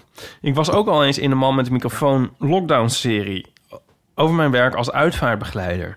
Chris en Paulien ben ik ook meermaals tegengekomen op straat. We wonen denk ik vlak bij elkaar. En dan heb ik ook de impuls om te zeggen... hallo, ik ben die en die van aflevering van Man en met van die en die aflevering van de Man met de Microfoon. Dit heb ik nog altijd net op tijd binnen weten te houden... Want dat zou allemaal heel ongemakkelijk kunnen eindigen. Ik denk dat dus niet, maar goed. Ehm, dat Nee, was ik weer zelf. Ik denk dat Chris dat sowieso heel erg Ja. leuk vindt. Ja. Wellicht durf ik nog eens in te spreken met een goed uitvaartverhaal. Oh ja, alsjeblieft, doe dat. Of als jullie vragen hebben over alles wat met uitvaarten te maken heeft, hoor ik het graag. Ik ga nu vriend van de show worden. Yay. Dank voor alle pret en luisterplezier. Goed, Florine Kijk. Schaap. Het is iemand die de daad bij het woord voegt. Ja. Heel goed. Nee, ja, en uit, ja, uitvaartverhalen. Ja, heel graag. Het is een themaatje geweest, een paar maanden Ja. geleden bij ons. Hebben we een paar gehad.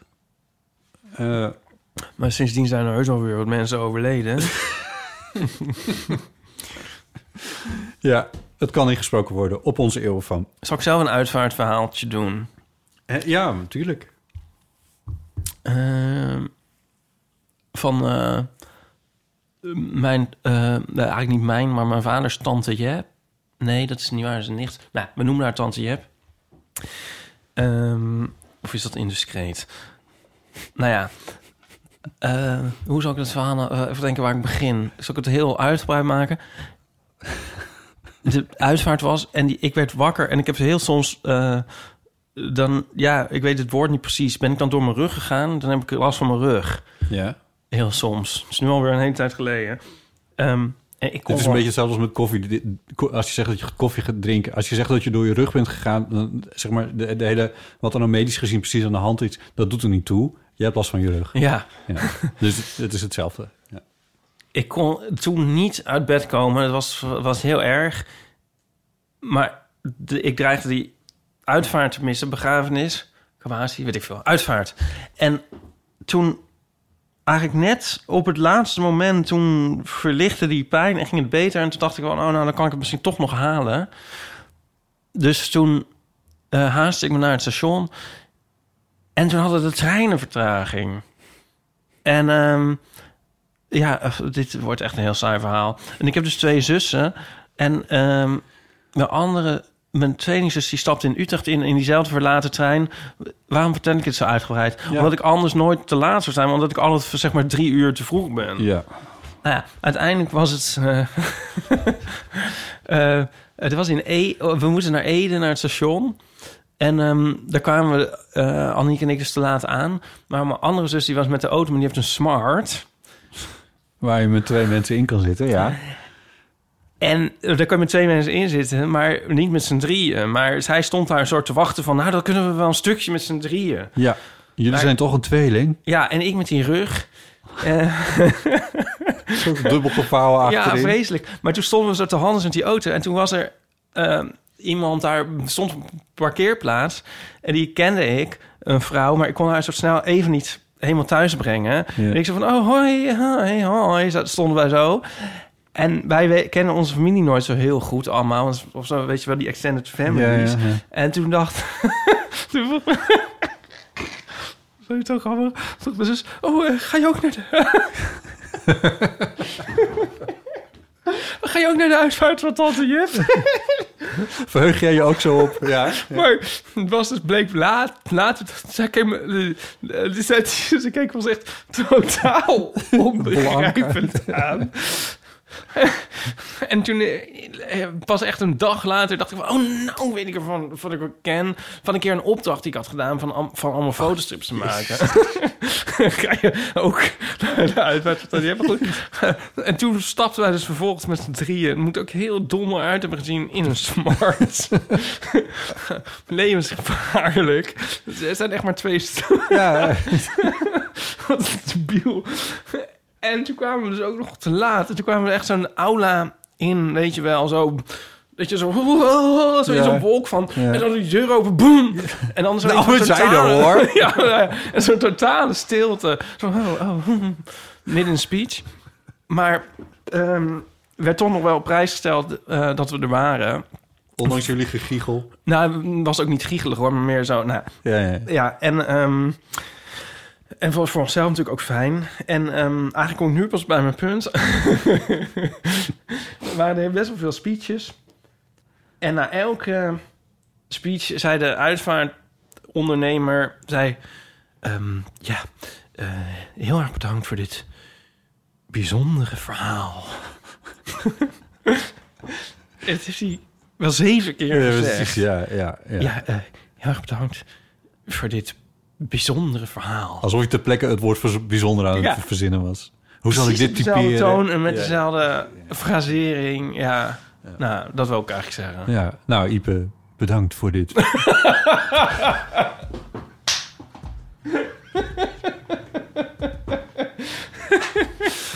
Alright. Goed, dat was hem voor deze keer. Ehm, we weten nog niet helemaal wat we de volgende keer gaan doen. Volgens mij zijn we dan met z'n tweeën, maar misschien kruist nog iemand ons eh, wegen. Dat zou zomaar kunnen. Dat zou zomaar kunnen. Ehm, we hebben nog een aantal verhalen eh, liggen waar we de volgende keer over kunnen hebben, die mensen hebben ingesproken. Maar eh, als je denkt van, naar aanleiding van wat we nu hebben gedaan, of je denkt van, ik wil überhaupt een keertje inbellen, doe dat dan gewoon. Het telefoonnummer is bekend. En eh, dan kunnen we dat ook weer meenemen. Dus dat is allemaal heel erg. Nieuwe volgers op Instagram zijn Ja, jullie ja. Jessica van Geel. Stille Parken hebben diepe gronden. Wolf Maaike, Dani Ploeger, José Klimsop, Helena 87, Philippe Brabo, Eman XE. Studio Marcia 77, Evelino 1, Rick Limonaert, Lovely Lot 86, Bart Westerlaken, Darlene Deniers, Trainbow ProRail, Trainbow ProRail, oh. Tessa Dijkhuis, met zonder filter.nl, Lopez Caridat, Twinkle Dutch 97, Aukje begin een beetje in de- in de porno-account terecht te Felix Smits, Maaike Blij 75, Fiona J, Hoofd, Lisa... Robinson, jouw... eh, Is dit nou, gaan we dit nou elke... en maaltijd... Maaltijdsvla. Nee, is verzonnen. Gaan we dit elke keer doen? Een nieuwe Instagram? Nou, oké. Maar ik vind het wel leuk hoor, daar niet van. Ehm, fijn dat jullie ons volgen. Eh Ibe, dankjewel. Ja, jij ook. Eh, tot de volgende keer. Doei. Tjus.